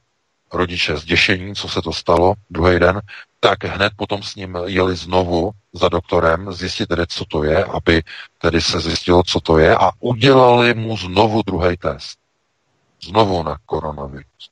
No a podívejte se, a on byl pozitivní. To znamená, chápete, vy přijedete udělat si test na koronavirus, oni vám strčí špejly s tou vatou na konci, která je namočená v tom roztoku, vám to eh, natáhnou prostě do nosu, vytáhnou to a vy druhý den, vy máte negativní výsledek v tom daném okamžiku. Druhý den ležíte jste špatný, máte horečky, eh, bolí vás hlava, jste nemocný, jedete znova na test a jste pozitivní. No, jeho rodiče to samozřejmě zděsilo, to znamená, že kluk eh, byl na testu, dopad negativně a druhý den už je nemocný. Takže jeho rodiče se rozhodli, že se také nechají pro jistotu testovat. A to je komedie. To je, já prostě proto, proto neexistuje slov. U toho doktora se nechali otestovat a oba dva rodiče negativní. To znamená, kluk sice onemocněl, ale oni negativní. Vrátili se domů a druhý den oba dva rodiče nemocní. S bolestma v krku, eh, s horečkou, zvracení, tyhle ty problémy. Ale pozor, to není to nejhorší. A ten jeho bratr, to znamená bratr manželky, naší čtenářky, eh, má vážný průběh, protože oni tam byli v pátek, minulý v pátek, na to těch odběrech a už v neděli eh, vezli ho do nemocnice, protože jeho stav byl špatný, eh, tedy jeho bratra, opravdu špatný, a začal vykašlávat něco černého. No a paní Karolína se ptala, tam vlastně v tom e-mailu, eh, jakože jestli teda jako má ten zápal plic, oni mu, doktoři mu udělali testy v nemocnici a tam zjistili, že opravdu je pozitivní na COVID-19. Ale kromě toho mu řekli, že má navíc zápal plic, pneumonii. No a eh, paní Karolína se ptala v tom e-mailu, jestli teda se tomu dá věřit a ano, dá se tomu věřit, protože pokud tedy doma vykašlával takový ty černé věci, ten černý hlen. No to není hlen, to je samozřejmě sražená krev, černá krev z plic, klasická eh, plicní krev je černá. A, a eh, že vykašlával tohleto, no samozřejmě to je typický příznak zápalu plic. Dámy a pánové, od pátku, rozumíte? Od pátku. Pátek, sobota, neděle od pátku stačily, no, budeme říkat 24 hodiny, jako to bylo v polovině, někdy v polovině dne určitě, to znamená, jako by to bylo 40 hodin nebo 48 hodin, klidně si to takhle dejte 48 hodin. Za takhle krátkou dobu rozvoj COVID-19 do akutního stavu a akutní rozvoj pneumonie.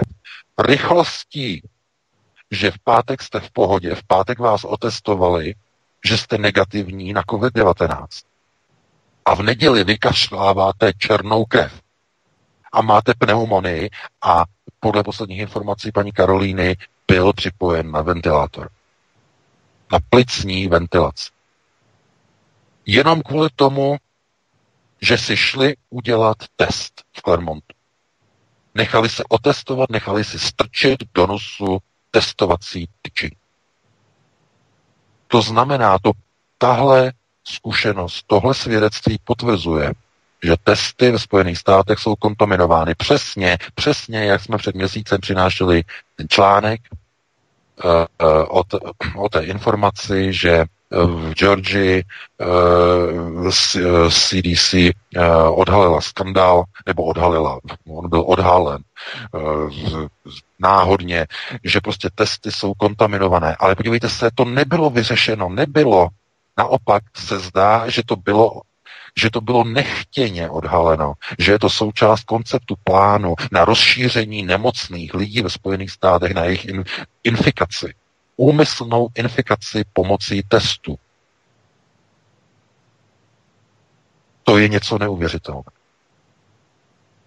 Proto doktor Fauci, hlavní eh, hygienický poradce Donalda Trumpa, se tak šklebí takovým tím způsobem a teď vás všechny onemocníme.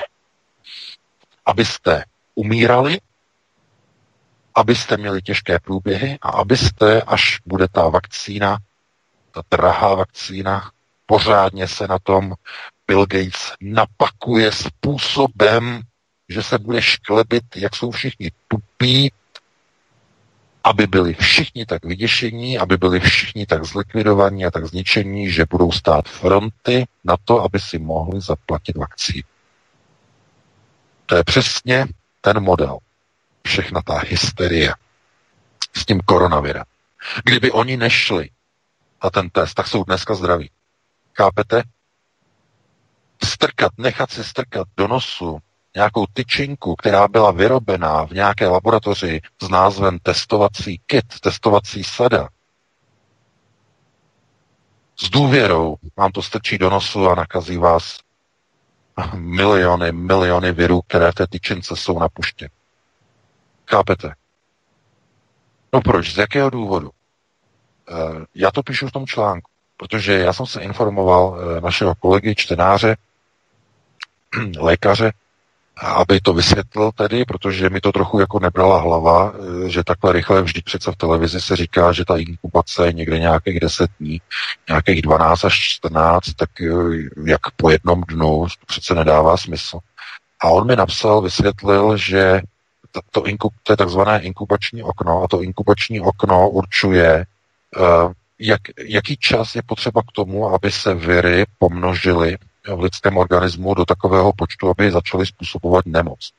A pokud ty viry do, se do těla dostanou koncentrovaně z nějakého nosiče, třeba i z toho nosního tamponu, to znamená tedy napuštěných těch virek, tak ten tamponek obsahuje stovky milionů virů covidu. Stovky milionů. A při tom stěru se dostane minimálně 20% z toho se dostane do vašeho organismu větší než to nezbytné minimální množství pro propuknutí nemoci v vašem těle. Jakmile tam zasunete tu tyčinku, tak máte okamžitě okolo, jo, mi napsal, že to je okolo 60 až 120 milionů virů toho covidu, máte okamžitě v nose, máte na sliznici a e, ta protuberace, to znamená propuknutí té nemoci, je potom otázkou už několika hodin. 12 až 24 hodin po zasunutí té tyčenky do nosu. Protože to inkubační okno se úplně vynuluje. Není třeba čekat, až z jednoho viru ve vašich buňkách se za 14 dní vyrojí těch 50-70 milionů virů. Jo, to je ta inkubační okno. Když vám to takhle vrazí kon, koncentrovaně v tolika, v takovém obrovském množství do toho nosu, tak je hotovo. Je vymalován. To znamená, druhý den jste úplně v, v místech, kde se nikdy nesvítí. No a co je zajímavé? Jak nám paní Karolína napsala, tak eh, ten syn, ten 19-letý, eh, tak onemocněl, měl bolesti hlavy, eh, tohleto a trvalo to u něho čtyři dny. Marodil čtyři dny, protože mladý organismus. Mladý organismus, to znamená 19-letý, Kdyby, kdyby byl dítě, kdyby mu bylo třeba 10 let, tak by třeba vůbec nic ani neměl. A v 19 letech, to znamená čtyři dny dně nemocné, jako nějaká, vypadalo to jako chřipka, a po čtyřech dnech v pohodě. Ale jeho otec jeho otec věk teda paní Karolína nenapsala, ale minimálně o 20 let starší teda bude, to v průměru minimálně o 20. To znamená, kdyby to byl třeba i čtyřicátník, tak vidíte, podívejte se, okamžitě pneumonie, zápal plic, vykašlává krev a je na plicní ventilaci. Dámy a pánové. A potom choďte do nějakých kiosků a potom jezděte v autě se prostě testovat, nechat se testovat do nějakých hotspotů, do nějakých laboratoří. To je tragédie. To znamená, a dokonce, já jsem nad tím uvažoval, um, mnoho lidí bude mít strach se nechat otestovat, jakmile se tady ty informace začnou opravdu šířit.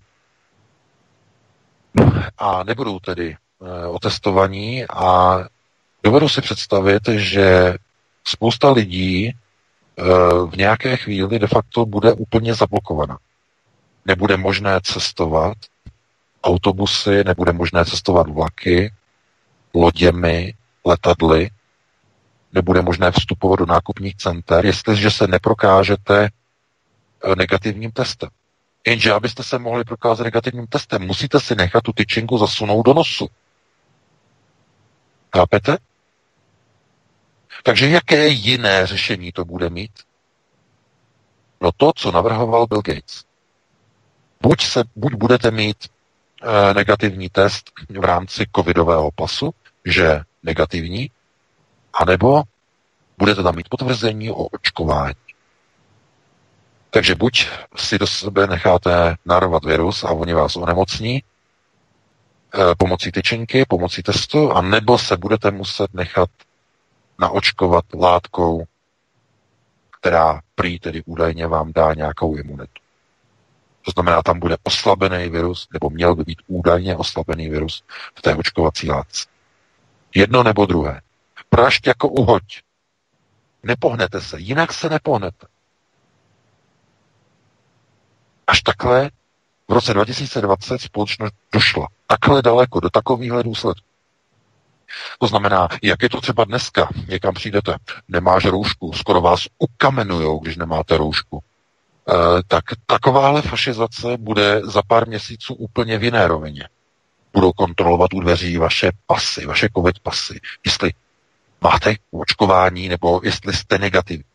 Jestli máte certifikát, to znamená, že jste negativní, jestli jste byl na testech, anebo jestli jste byl očkovaný. Jedno nebo druhý. Nebudete mít papír, nebudete mít bumášku, nepustí vás. Ještě na vás budou dívat se jako na vraha, že vy sem jdete bez covid pasu, co si to dovolujete? Vy nás chcete zabít? To znamená, všechno to povede k tomu, že lidé nakonec eh, buď přímo nebo obklikou přes prodělanou nemoc a přes uh, strašnou hrůzu se nechají očkovat. To znamená, budou donuceni k tomu, aby se mohli pohybovat, aby se vůbec někam dostali, budou se muset nechat očkovat. To znamená, oni nenechávají naprosto nic na náhodě. Globalčeky se rozhodli, že zkrátka proces nasunování nového světového řádu bude maximálně urychlen. Maximálním způsobem. To znamená, kontrola lidí, zaočkování lidí a pravidelné očkování lidí, které musí být nějakým způsobem donuceno, nebo obyvatelstvo k němu musí být donuceno. Protože běžná normální chřipka tohle nezajistí. Oni zjistili, že normální chřipka nedonutí lidi se nechat povinně pravidelně očkovat, musí být vystavená a vyrobena taková hysterie, aby to byl virus, který je sice chřipce podobný, ale je natolik mediálně vykreslen jako agresivní, aby všichni nakonec přistoupili k uzákoněnému, mandatornímu, to znamená povinnému celoplošnému očkování. K tomu to směřuje přesně ve Spojených státech. Ta hysterie směřuje ve Spojených státech k uzákonění povinného celoplošného občanského očkování proti koronaviru. Přesně o tohle usiluje Bill Gates, o tohle usilují všechny farmaceutické společnosti, protože e, bude, pokud to bude uzákoněno jako povinné, tak ty vakcíny se budou moci upgradeovat.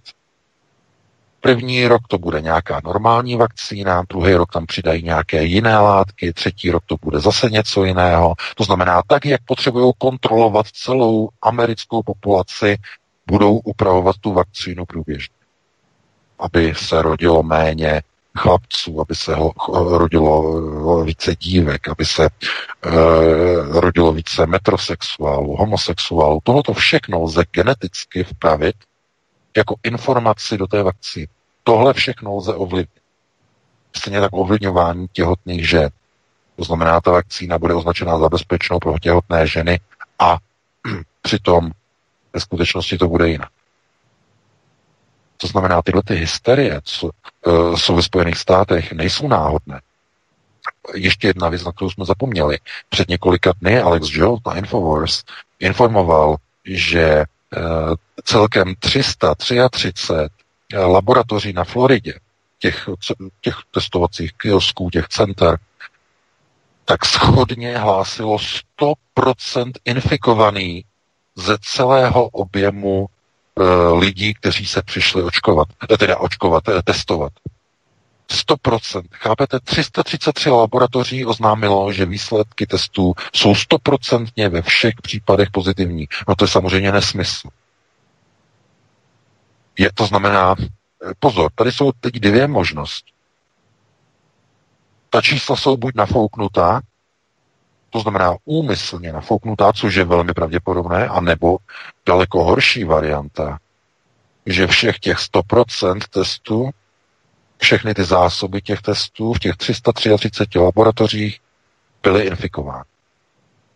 To znamená, víte, za, záleží na jedné zásadní věci, na takzvané metodologii. To znamená, jestli označíte za infikovaného člověka toho, který přišel poprvé a výsledek prvního testu byl negativní, anebo přijde za 24 hodin už jako těžce nemocný a je hlášen jako pozitivní. Chápete? A přesně tady tím způsobem to ty americké laboratoře dělají. Vy, když tam přijdete nahlášený jako jedna osoba, konkrétně jedna osoba, a jste poprvé hlášen jako, že jste negativní, tak jste negativní. Ale když přijdete znovu další den, zase ta samá osoba a váš status se změní, tak se změní i informace v jejich informačním systému. A tím získáváme odpověď, čemu došlo. Chápete? Ano, těch 333 laboratoří hlásí 100% e, pozitivitu, protože všichni lidé, kteří tam přišli se otestovat, tak se znovu vrátili a znovu byli otestováni a tam už se potom, potom ukázalo, že jsou pozitivní. To znamená, byli otestováni uh, infikovanými pozitivními, tedy klasicky tedy nakaženými stěrovými testy, stěrovými tyčinkami. Uh, Tohle je, na, je naprosto skandál. To je něco prostě, co uh, jenom ukazuje na to, že je, je to daleko horší, je to ještě horší, než jsme si mysleli. To znamená, původně byla taková představa, e, myšlenka, že to je sfalšované a sfingované jenom e, administrativně. To znamená, aby to jako ukazovalo, že přijde člověk a ten test ukáže, my jsme vás teď otestovali a ten test vychází, že vy jste pozitivní. A přitom to není pravda, ten člověk je zdravý. Takhle jsme si mysleli původně, že to funguje. Takhle jsme si to mysleli. Ale ne. Vůbec ne.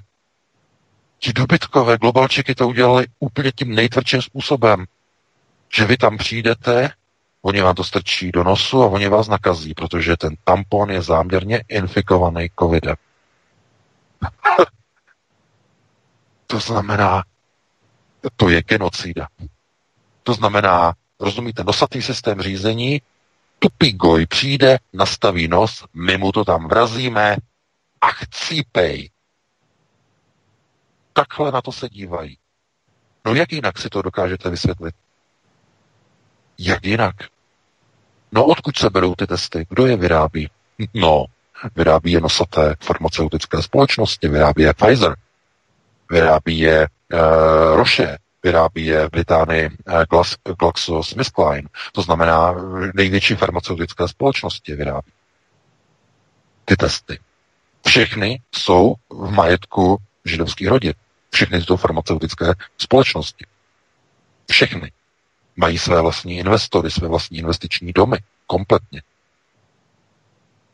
To znamená, eh, vy přijdete, vy máte rodinu, která je úplně zdravá. Úplně zdravá. Vy si pustíte televizi, kluk přijde z maturáku, tohleto, eh, vy si řeknete, kamarádi tohle byli se testovat, tam jim to vyšlo pozitivně, necháme se otestovat, aby jsme měli jistotu. Vy jako blbí, naivní se necháte otestovat druhý den, ležíte v posteli, máte horečky, zvracíte, polí vás hlava, máte covid.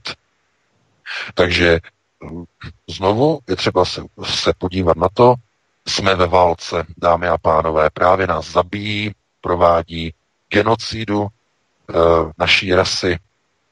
Tohle, tohodle jsme se dočkali v roce 2020. Likvidují nás, nechávají nás onemocnět, implantují, e, inseminují, já nevím, jak bych to měl nazvat, strkají do nás věry pomocí tyčinek, aby jsme onemocněli, aby jsme se nechali dokopat k tomu očkování těmi jejich zázračnými vakcínami, které pan Primula už to předu v České republice oznamuje, že už, už v říjnu prý budou k dispozici vakcíny. Myslím, že to byl pan Primula, já teď nevím, teď mě neberte za slovo, to byla ta informace uh, z počátku týdne, že prý už uh, na podzim prostě budou vakcíny. Ano, postavte se do fronty, frontu stůjte se svýma dětma a nechte se, nechte se naočkovat, aby do vás dostali nějaké látky, které potom udělají z vašich dětí nějaké debily, nějaké mongoloidy, nějaké, nějaké postižené, nějaké, nějaký, někoho, kdo e, prostě bude mít potom za 20-30 let třeba diabetes. Takzvané, spožďo, takzvané spožděné reakce po očkování kdy se spožděná reakce po očkování objevuje po 20-30 letech. Najednou vypukne Alzheimer, najednou diabetes, najednou Parkinson, najednou prostě e, někdo, že a přijdete k doktorovi a, a doktoři nad tím kroutí hlavou a říkají si, no, no možná, že to je dědičný a dědičný a, nikdo, a nikoho nenajdou v rodině, že by měl něco dědičného, nějakou stopu. Nenajdou naprosto někoho, vůbec nic. Najednou prostě někdo má Alzheimera, najednou někdo je, někde epidemie cukrovky, diabetu, e, oni řeknou, vy máte dostal se cukrovku, no vy asi jíte hodně, hodně tady toho nezdravě a tohleto tučná jídla, eh, jste eh, dostal cukrovku druhého stupně a tak dále. To znamená, tohleto máte asi nějakým způsobem jako získaný a on řekne ne, já žiju zdravě, on je vegan, on je tohleto, samá zelenina, samý prostě Cezar, saláty a tady ty, eh, tady to, tomu říkají jídlo, prostě to je tak jak, jak pro králíky a prostě zdravě, zdravě, všechno bio, bio a on má v 41 nebo v kolika, tohle to byl ten pořad, že je mu 1,40 a on má najednou tohleto, on má cukrovku, on má diabetes a eh, on žil zdravě a že prostě se snaží přijít na to, jak je možné, že má cukrovku, když žije zdravě a nemá, má, to, má tu cukrovku získanou. Není to dědičná cukrovka, je to, je to ta získaná a že to neví, jak je to vůbec možný. No tak oni šli, vlastně vzali jeho očkovací průkaz, šli po něm a oni zjistili, že byl vlastně v 90. letech tohleto, že tam měl nějaká očkování a tohleto, tohleto, tohleto a že to je se spožděním a že zřejmě je to z nějakého očkování takzvaným hexavirem. No, o hexaviru, že prostě ve Spojených státech, že prostě tam nějaké problémy vznikaly. Vy jistě víte tu, tu kauzu s Xavirem, že uh, uh, prostě ten má vlastně očkovat proti různým šesti různým věcem, šesti nemocem a uh, no v těch Spojených státech prostě, že jo, problémy s těma hexavirama obrovský. No, a chápete? A potom mějte důvěru třeba v ty očkovací programy. Prostě ty lidi potom ztrácí důvěru. Proč ty lidi ztrácí důvěru v ty očkovací programy? Po roce 90. Myslím v těch východních zemích, východní Evropy. No, protože do toho roku 89 ten národ, ten stát, ten v uvozovkách ten bolševický, komunistický, socialistický stát chtěl, aby obyvatelstvo bylo zdravé, aby mohlo pracovat a aby bylo připraveno k obraně socialistické vlasti ve zbrani, kdyby bylo potřeba.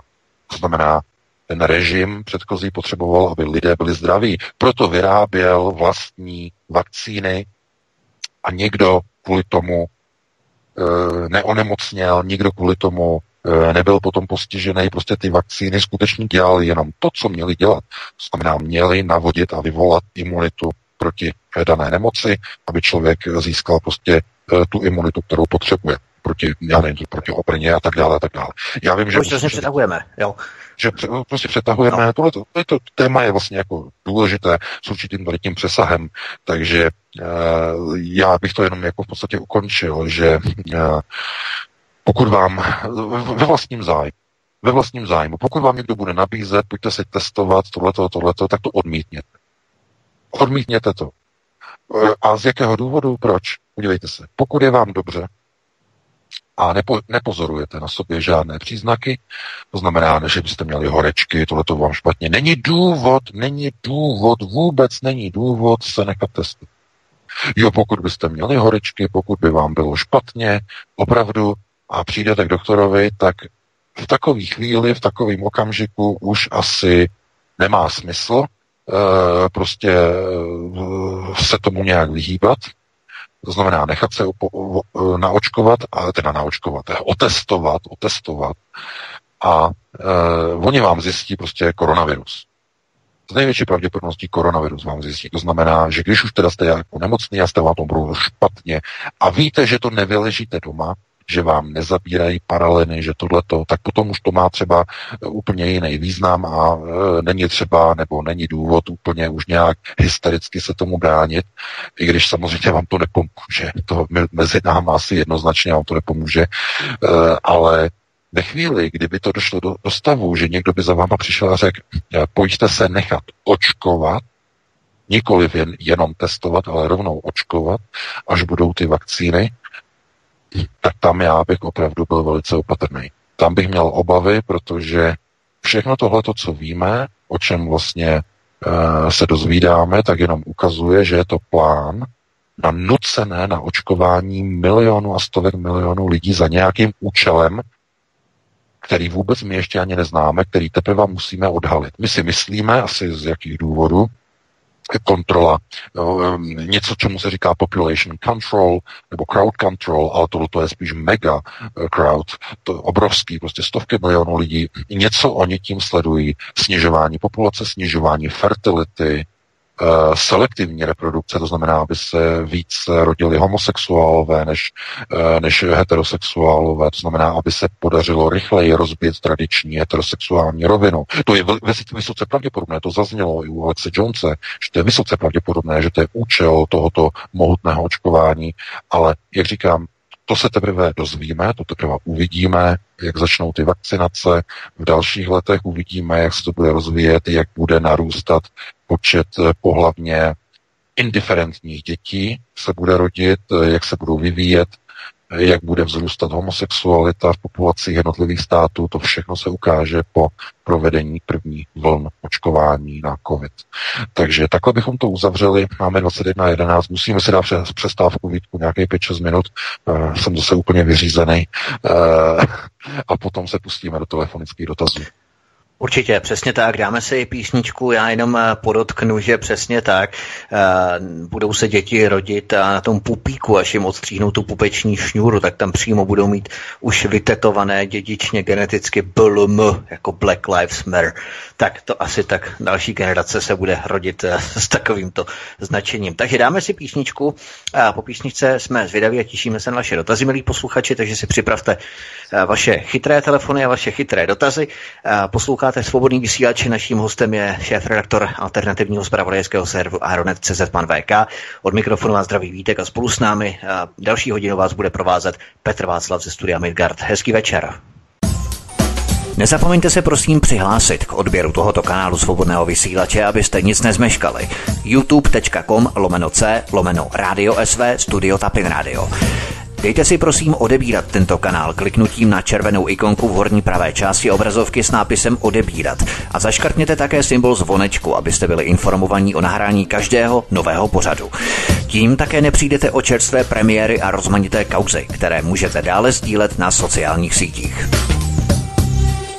Tak nám to doznělo, no a já si myslím, že můžeme směle vykročit k tomu, že oznámíme ten telefon, a mě to tady trošku hraje, už to dobré, že oznámíme telefon, na který můžete pochopitelně volat svoje dotazy, otázky, náměty eh, pro eh, vedoucího kolotoče i pro Vítka, takže telefonní číslo dnes 774 139 044 a já už pomalu se budu tázat a ptát, jestli Vítek s vedoucím kolotoče jsou nachystáni na ty odpovědi, na tu interaktivní část toho dnešního vysílání. Vítku, jste tu? Já jsem tady, já budu tak trošku za bukem, spíš se jedná o VK, o třetí hodinu VK, jsi tady i ty? Ano, jsem tady. Za dubem, za dubem, máme prvního volajícího, tak uh, jdeme na to. Já jsem tady, já budu tak... Dobrý večer, stlumte si za sebou rádio. Myslím, že na nás jde kůrovec, fajn, za tím bukem. Dobrý večer. Ano, dobrý večer. Dobrý večer. Dobrý večer. Tak položte otázku, jste ve vysílání.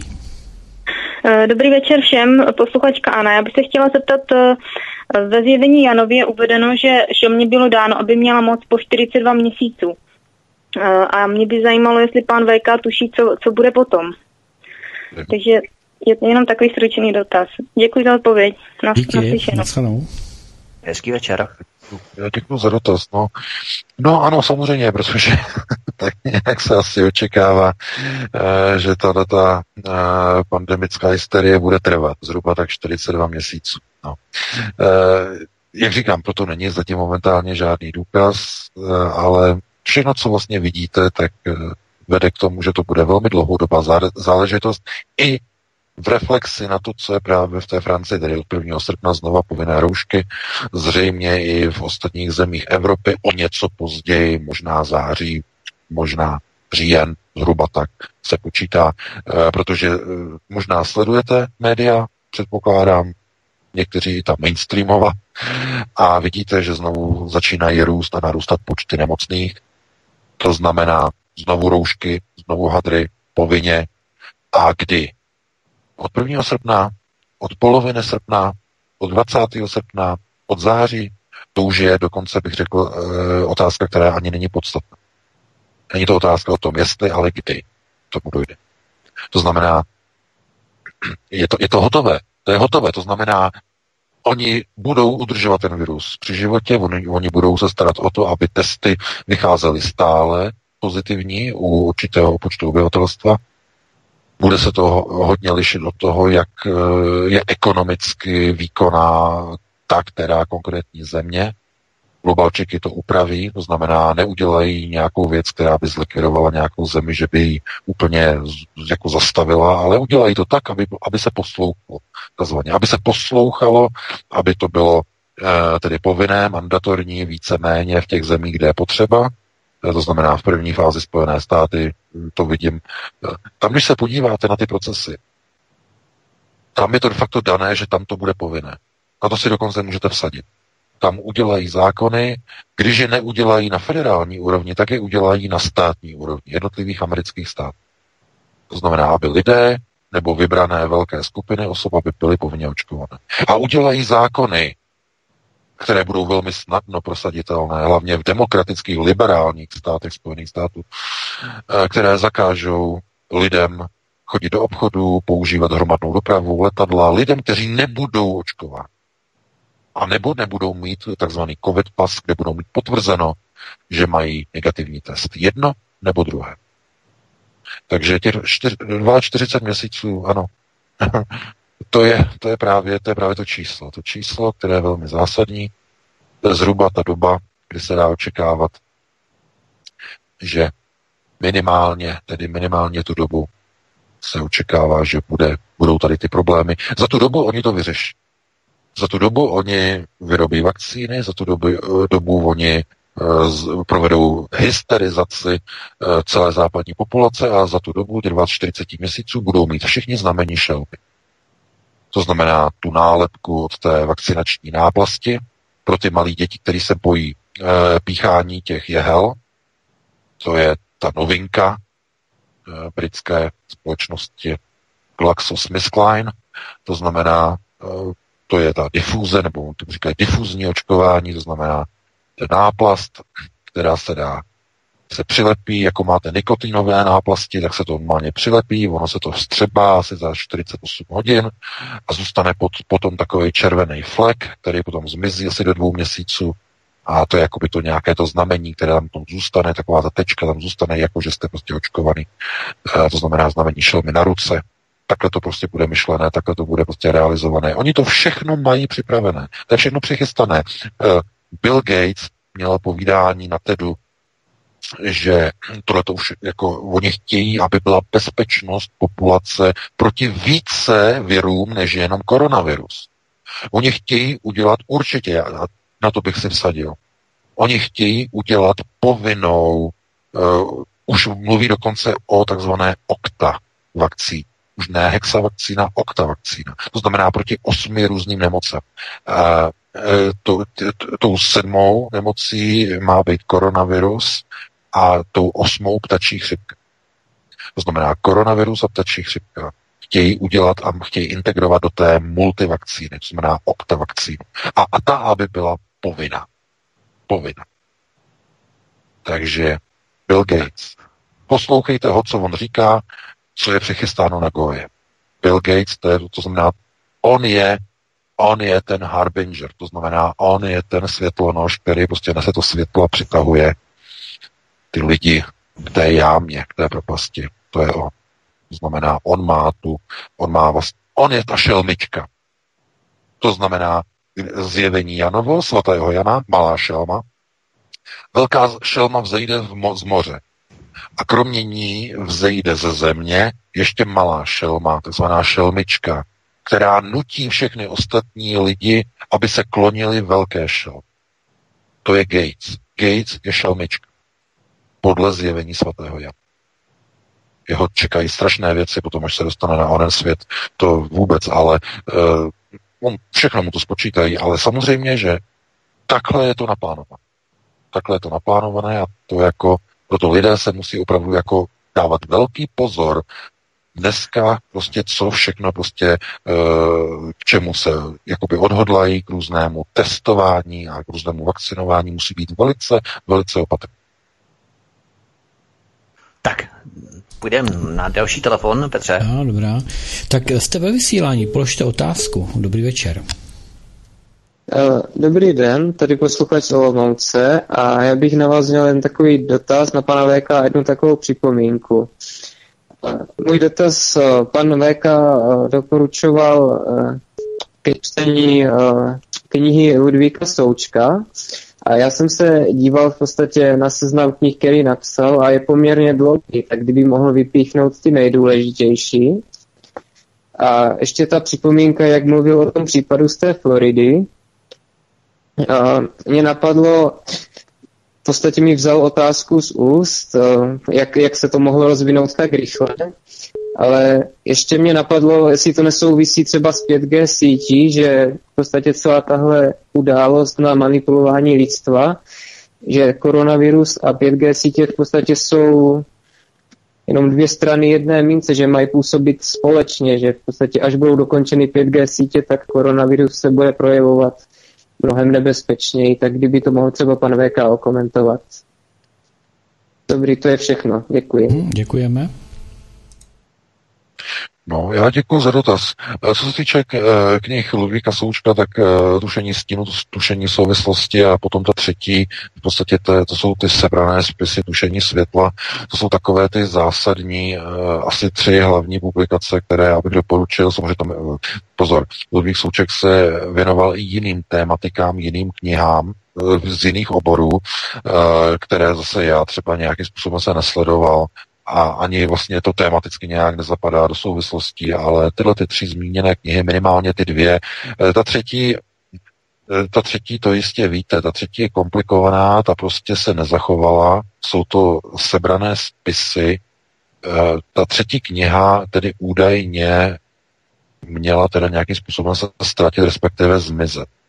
A Ludvík Souček nosil ten rukopis stále, neustále u sebe, při sobě a po jeho smrti ten spis se ztratil. E, ta poslední kniha Tušení světla je e, v podstatě jakýmsi sebraným spisem, e, kdy to hodnocení té knihy je takhle. To je, ta kniha je úplně někde jinde, než obsahově je první a druhá kniha. To znamená, nelze tomu zase klást, klást úplně eh, ten, řekněme, tu, tu afinitu, to znamená dávat to do jedné souvislosti s těma prvníma dvouma knihama, nebo těma zásadníma dvěma knihama, nebyly první, ale ty zásadní dvě tušení e, stínu a tušení souvislosti. Víte, to by bylo asi určitě zajímavé, třeba, já nevím, zjistit, za, zabývat se prostě některými lidmi, kteří prostě měli nějaké rukopisy připravené a najednou zmizeli. Což zavdává teda spekulacím hodně, eh, protože co asi v těch rukopisech bylo. A byla to náhoda, že se to nedochovalo, nebo jenom část se dochovala a co tam bylo tak zásadního. To znamená, je docela možné, že Ludvík Souček tam zašel zhruba do těch intencích, o kterých třeba vyprávím já tady v našich pořadech nebo píšou některé články. To znamená, zašel až, eh, řekněme, za tu rovinu bezpečnosti toho, co je bezpečné, takzvaně. A e, to je samozřejmě jenom čistě jenom spekulace, to může mít rů, různé roviny, různé důvody. Každopádně to by byla teda odpověď na tu první otázku. A na tu druhou otázku, co se týče těch 5G sítí, ano, tam já souhlasím, protože u těch 5G sítí ano, samozřejmě, protože ty frekvence, které budou vlastně v těsné blízkosti těch lidí, to znamená, bude to pražit přímo do těch bytů, tak to bude mít vliv samozřejmě na lidský organismus. A teď na jakých frekvencích to bude? Protože eh, třeba ty 60 GHz uh, pojítka jasně ukazují, že uh, reagují s molekulami vzduchu, to je hlavní princip, proto 60 GHz komunikace se používá u eh, amerických špionážních satelitů, protože na oběžné dráze je vákuum, tam eh, není vzduch, to znamená, tam to v pohodě funguje na dlouhou neomezenou vzdálenost, ale při vstupu do atmosféry je to okamžitě tlumeno molekulami kyslíku až eh, po několika stovkách metrů ten signál úplně zaniká.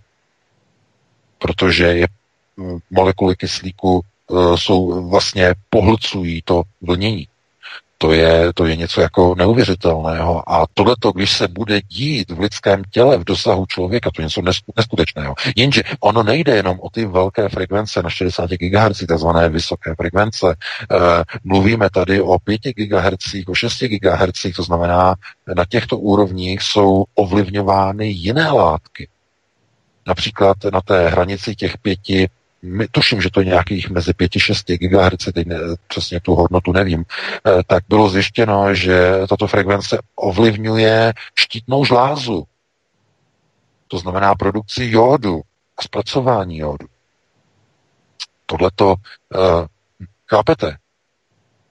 To je něco neuvěřitelného. A nik, není dovoleno, všichni, ope, všichni operátoři, všichni mobilní operátoři blokují zákony na takzvané dlouhé, uh, oni tomu říkají uh, uh, long-term and close proximity tests.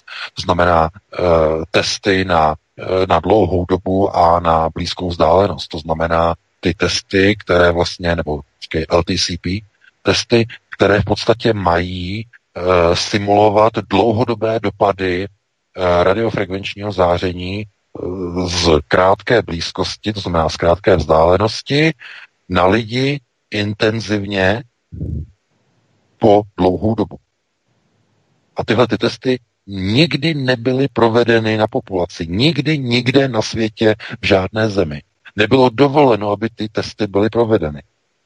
Co se děje s organismem, když na něho září určitá frekvence po dobu deseti let ze vzdálenosti 20 metrů.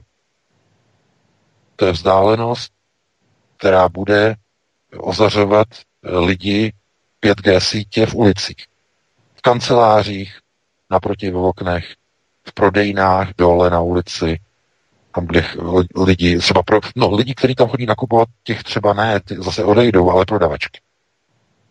Pracuje tam 10 let, každý den na ní 8 hodin pracovní doby, naproti z protějšího domu září 5G vysílač, 5G emitor. Po deseti letech rakovina, leukémie. Ženská ve 42 na onkologickém oddělení umírá.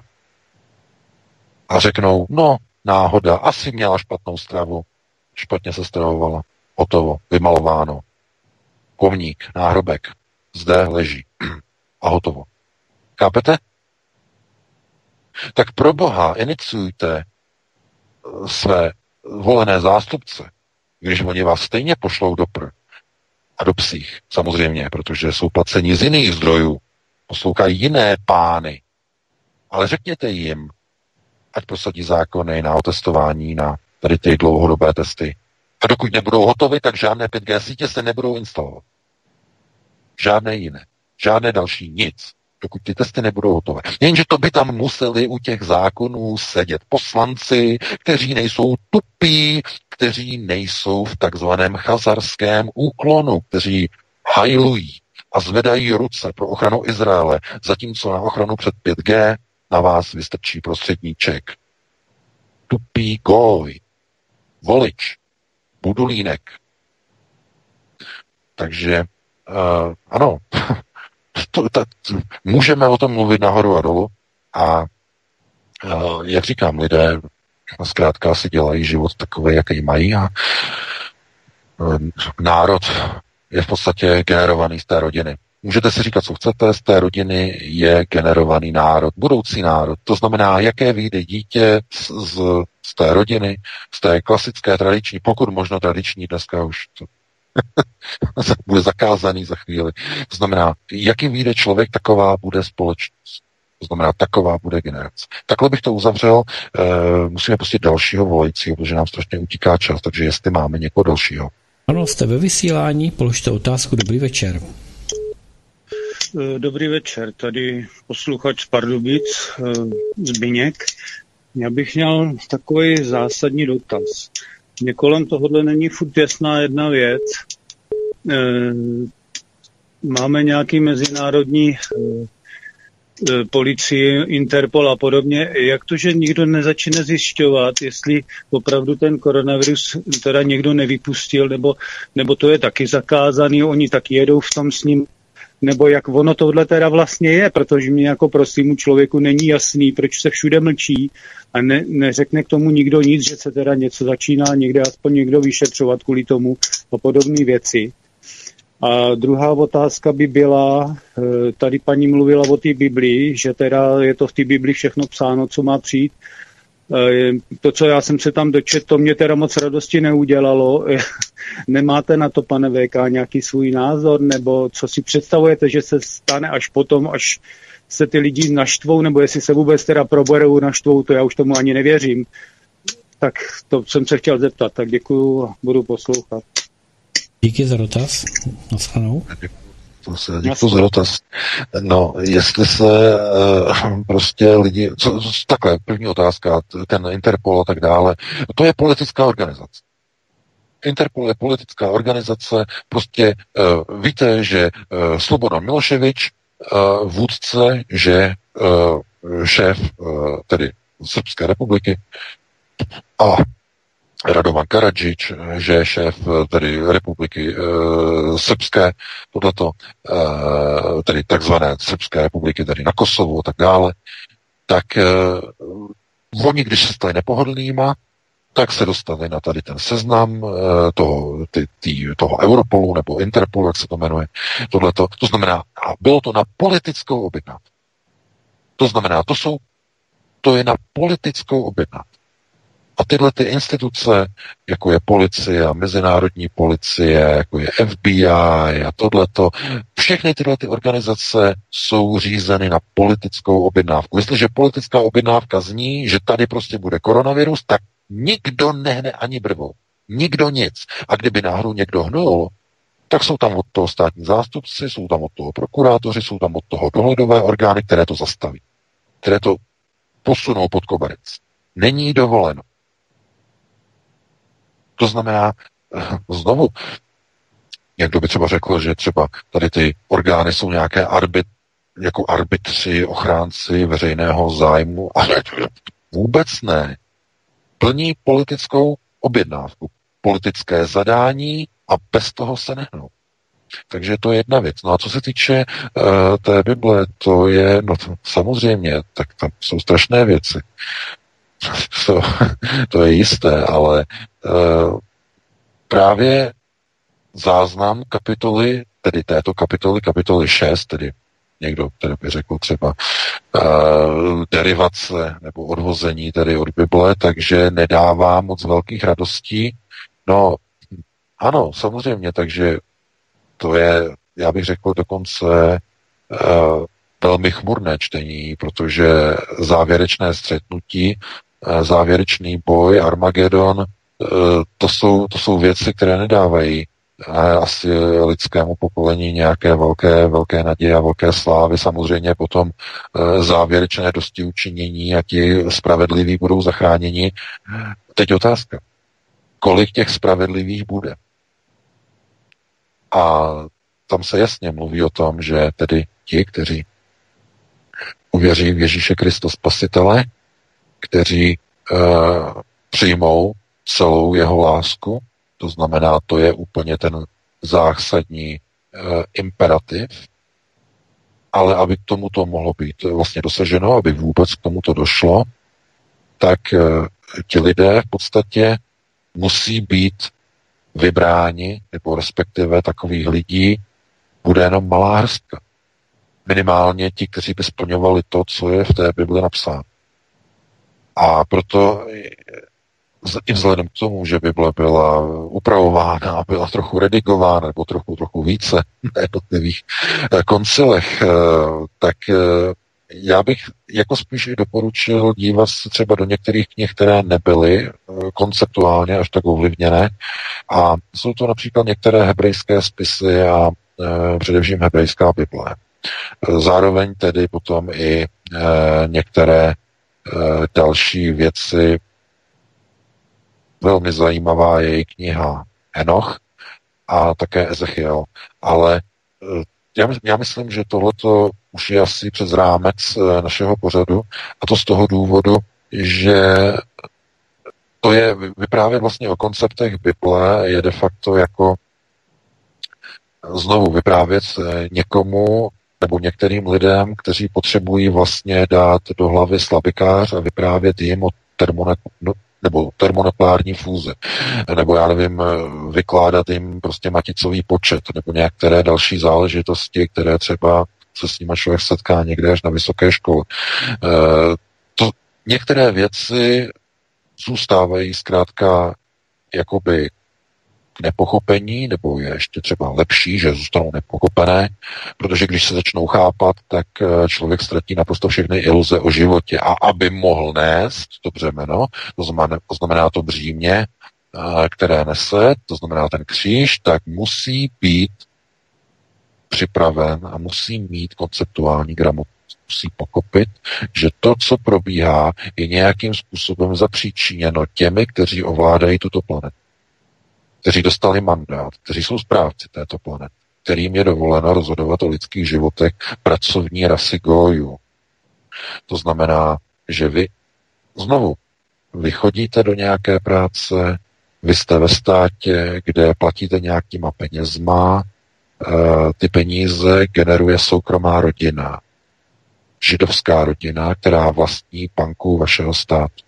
To znamená centrální banku a vy musíte platit na dluhy, kterými ty peníze, které máte v ruce, jsou podloženy. Pokud vám to připadá jako, že to je v pořádku, ne. Pokud máte konceptuální gramotnost, to teda ale vůbec není v pořádku. To je otroctví. Proto v Talmudu je napsáno, skrze peníze bude goj otrokem navždy, tak je zdá. A proto znovu je třeba si uvědomit, že eh, spousta lidí dělá věci, které by dělat neměli, ale nevědí o tom. To je zásadní problém. To znamená, lidé chodí do práce, kde nedostávají zaplaceno to, co by měli, jsou vykořišťováni, e, není to v pořádku, ale dělají. Někteří do sebe lijou alkohol, kouří a tak dále, to znamená, ničí se, likvidují se, jsou ozařováni různými signály, různými frekvencemi. Nemělo by se to dít, ale děje se to. Neměli by mít ve své blízkosti bezdrátová zařízení o určitých frekvencích, ale mají, používají je, jsou na nich dokonce závislí. Různé chytré telefony s velkýma displejema, zářivé barvičky, čumí do toho, vypaluje vám to sítnici. Takže je spousta věcí, co lidé by neměli dělat, dělají, ale je to, je to založené na penězích, to znamená na otrockém postavení. To znamená, ten otrok, eh, to, to je další, ještě jedna poslední věc a budeme hned končit, jdeme na dalšího volajícího, ale to, co dělá globalizace je, že vám dá do ruky velký barevný displej, kde září barvičky a běží zajímavé příběhy úspěšných a zajímavých lidí, zatímco na rukách máte okovy globalizace. Zajímáte se o to, co vidíte na tom obrázku, na tom tabletu, ale máte ruce spoutány okovy globalizace. A ten tablet odvádí vaši pozornost. Dříve to nebyl tablet. Dříve to byla televizní obrazovka. Ještě předtím to bylo rádio. Ještě předtím to byly knížky, zábavné knížky, eh, různé romány v 19. století a tak dále. Vždycky je to něco, co musíte Gojovi do ruky strčit, aby neviděl své globalistické okovy, okovy jeho finančního, především finančního nevolnictví. Pokud no, samozřejmě nebude... No? Ano. No, já jsem chtěl jenom říct, že pokud nebude číst ty správné knížky, poslouchat ta správná rádia a to správná ano, ano, což zase samozřejmě, nebudou valčíky rádi vidět. Samozřejmě, samozřejmě, protože v těch knížkách, ano, v těch knížkách, těch správných knížkách se ten, eh, tedy, kdo se tedy konceptuálně vzdělává, tak v, tě, v těch knížkách je napsáno, podívej se na ruce, kterými držíš tuto knihu a podívej se na okovy, které ti na rukách spočívají. To je z globalizace domu Sion. To je tvé otroctví dané ti na věky. Takže eh, takhle bychom to asi mohli ukončit. Eh, tady, tady tu odpověď, teda ne ještě náš pořad, to snad ještě ne, a dáme prostor dalšímu volajícím, pokud máme teda. Někdo. Dobrý večer, jste ve vysílání, položte otázku. E, dobrý večer, já vás všechny zdravím do studia, e, Beata z Londýnu. Um, chtěla, já mám jenom konstatování dneska, možná ne otázku, ale konstatování. Od 15. června nám tady zavedli povinné roušky v městské dopravě. Od příštího týdne budou povinné roušky v obchodech. E, dostávám takové obsilky, že jsem byla nahodně vybraná, abych si přišla otestovat na koronavirus. To už jsem měla třikrát a teď jsem se vrátila v úterý z Polska, byla jsem tam služebně, takže v Polsku už vědí, že bude druhá vlna koronaviruse, ale vědí i dátum, co jsem žasla, že nevědí hodinu. A to je tak, co jsem vám chtěla říct, co se tady děje.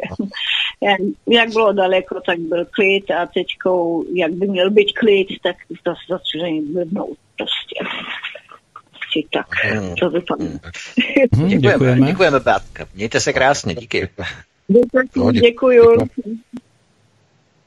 No, děkujeme za informace. No samozřejmě ano, oni už, globalčeky už vědí, kdy bude další vlna, však jsme o tom hovořili už před dvěma měsícema.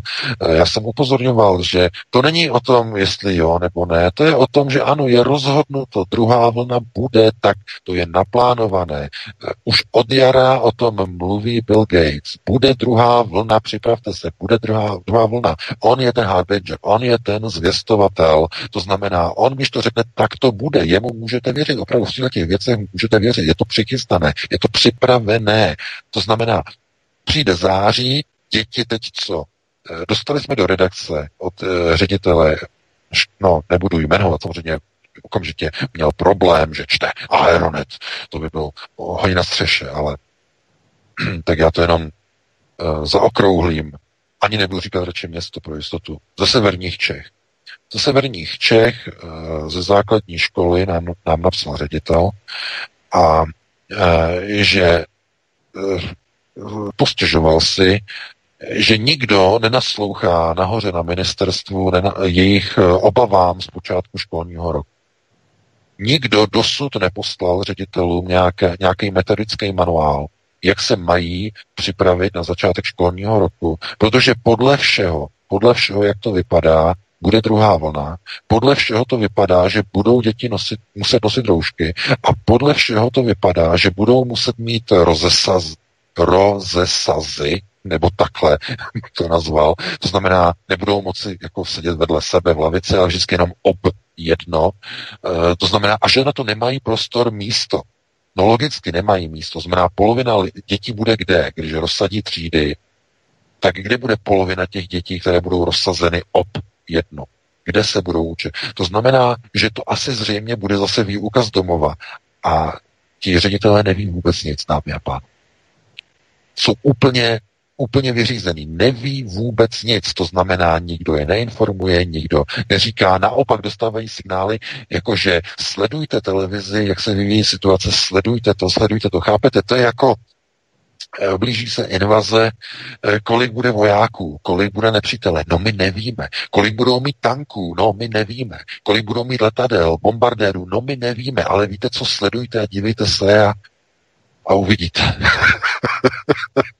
Chápete? A takhle to funguje. A ředitelé se bojí o tom mluvit prostě veřejně. A takhle to funguje. To znamená, co znovu budou děti se učit z domova? No asi ano, samozřejmě, protože jako, jak, a jak budou v těch jídelnách jíst? No, protože jak tam chodí do jídelen, musí si to sundat, ty roušky a tohleto. A co ti zaměstnanci, kteří se stravují v jídelnách? s těma dětma.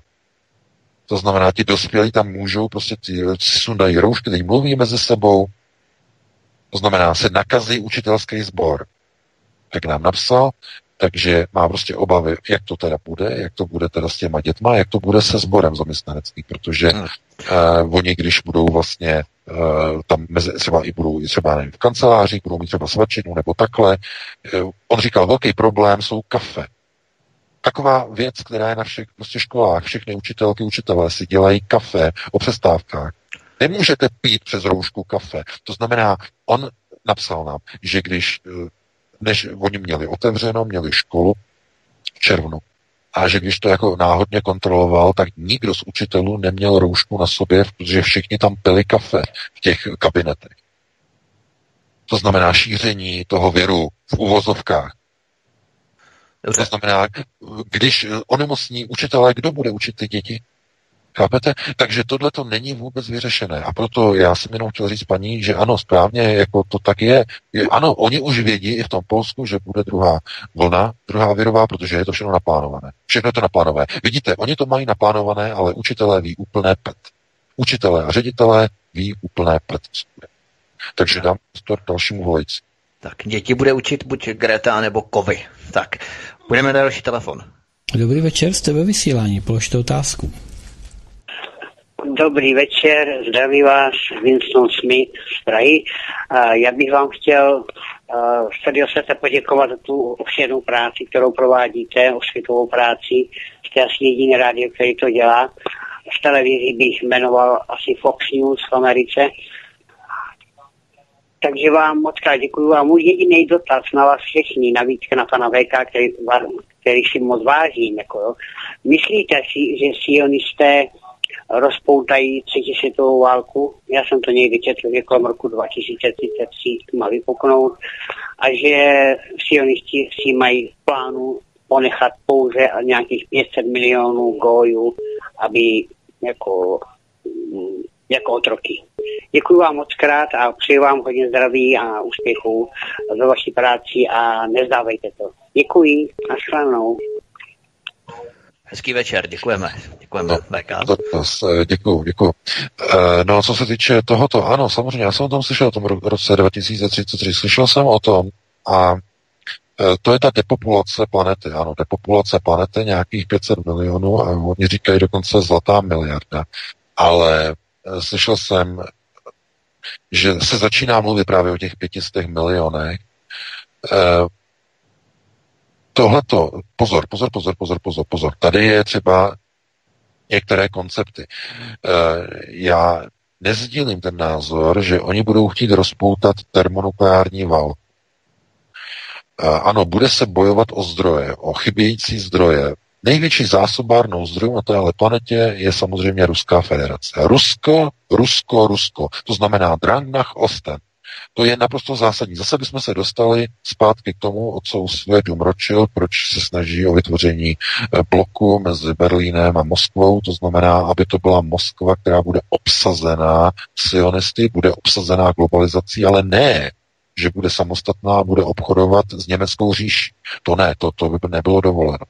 Ale zdroje v Rusku. Rusko, jakožto království na severu, je ta země, kvůli kterému se povede válka. A teď je otázka, jaká forma té války bude. Těch 500 milionů je totiž dostatečně dost možné a pravděpodobné, že tím je myšlená bílá civilizace, která upadne v rámci genetické destrukce, to znamená v rámci různých deviací a různých dysplazí bílého genomu, do role absolutních a totálních otroků, tak, jak původně bylo dáno v Talmudu. To znamená, že k tomu budou použity určité průsečíky různého míchání ras, ano, ale bude zájem tam udržet nějakou část, řekněme, ono, o něch původních hodnot, o něch původních kvalit, které oni si takzvaně nechají. A já jsem o tom poměrně dlouho přemýšlel teď vlastně v souvislosti s tou novou knihou, kterou chystám, protože tam bude někdo, několik dalších nových věcí, kromě tedy, eh, řekněme, sebraných spisů z dřívější doby, tam budou některé i nové věci. A tohle je jedna z těch záležitostí, které já tam vlastně rozebírám. A to je, že ten limit té zlaté miliardy v podstatě je úsečně špatně pochopen, protože zhruba polovina těch lidí budou řídící elity na různých stupních řízení. To znamená nižší elity, vyšší elity, někdo by řekl manažéři, vyšší manažéři, ředitelé, správci regionů, guvernéři, gubernátoři až nahoru na nějaké nadnárodní eh, kamitéty a ta, nebo, nebo komisariáty a tak dále, tak dále. To bude jedna polovina. A těch druhých, ta druhá polovina, těch 500 milionů, to budou ti, co bude všechno potřeba k tomu, aby ta první polovina mohla fungovat.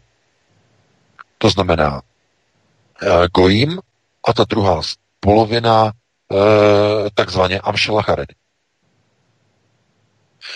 a 500 milionů i těch lidí, které, kteří by byli definováni tedy jako Amšelach, tak eh, by potom znamenalo, že opravdu se jedná o převzetí světo, vlastně světové vlády, protože oni by si vlastně de facto přivlastnili planetu skrze jedinou pracovní sílu, nebo řekněme takovou tu sílu, která by de facto řídila tuto planetu.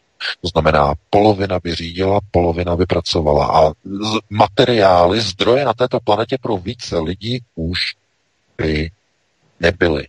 Proto je omyl, pozor, je to omyl si myslet, že to, co dělají globalisté dneska, je kvůli tomu, že milují černochy, že milují uh, Aziaty, že milují degeneráty, že milují LGBT, homosexuály, devianty a další. To není pravda. Oni je nemilují.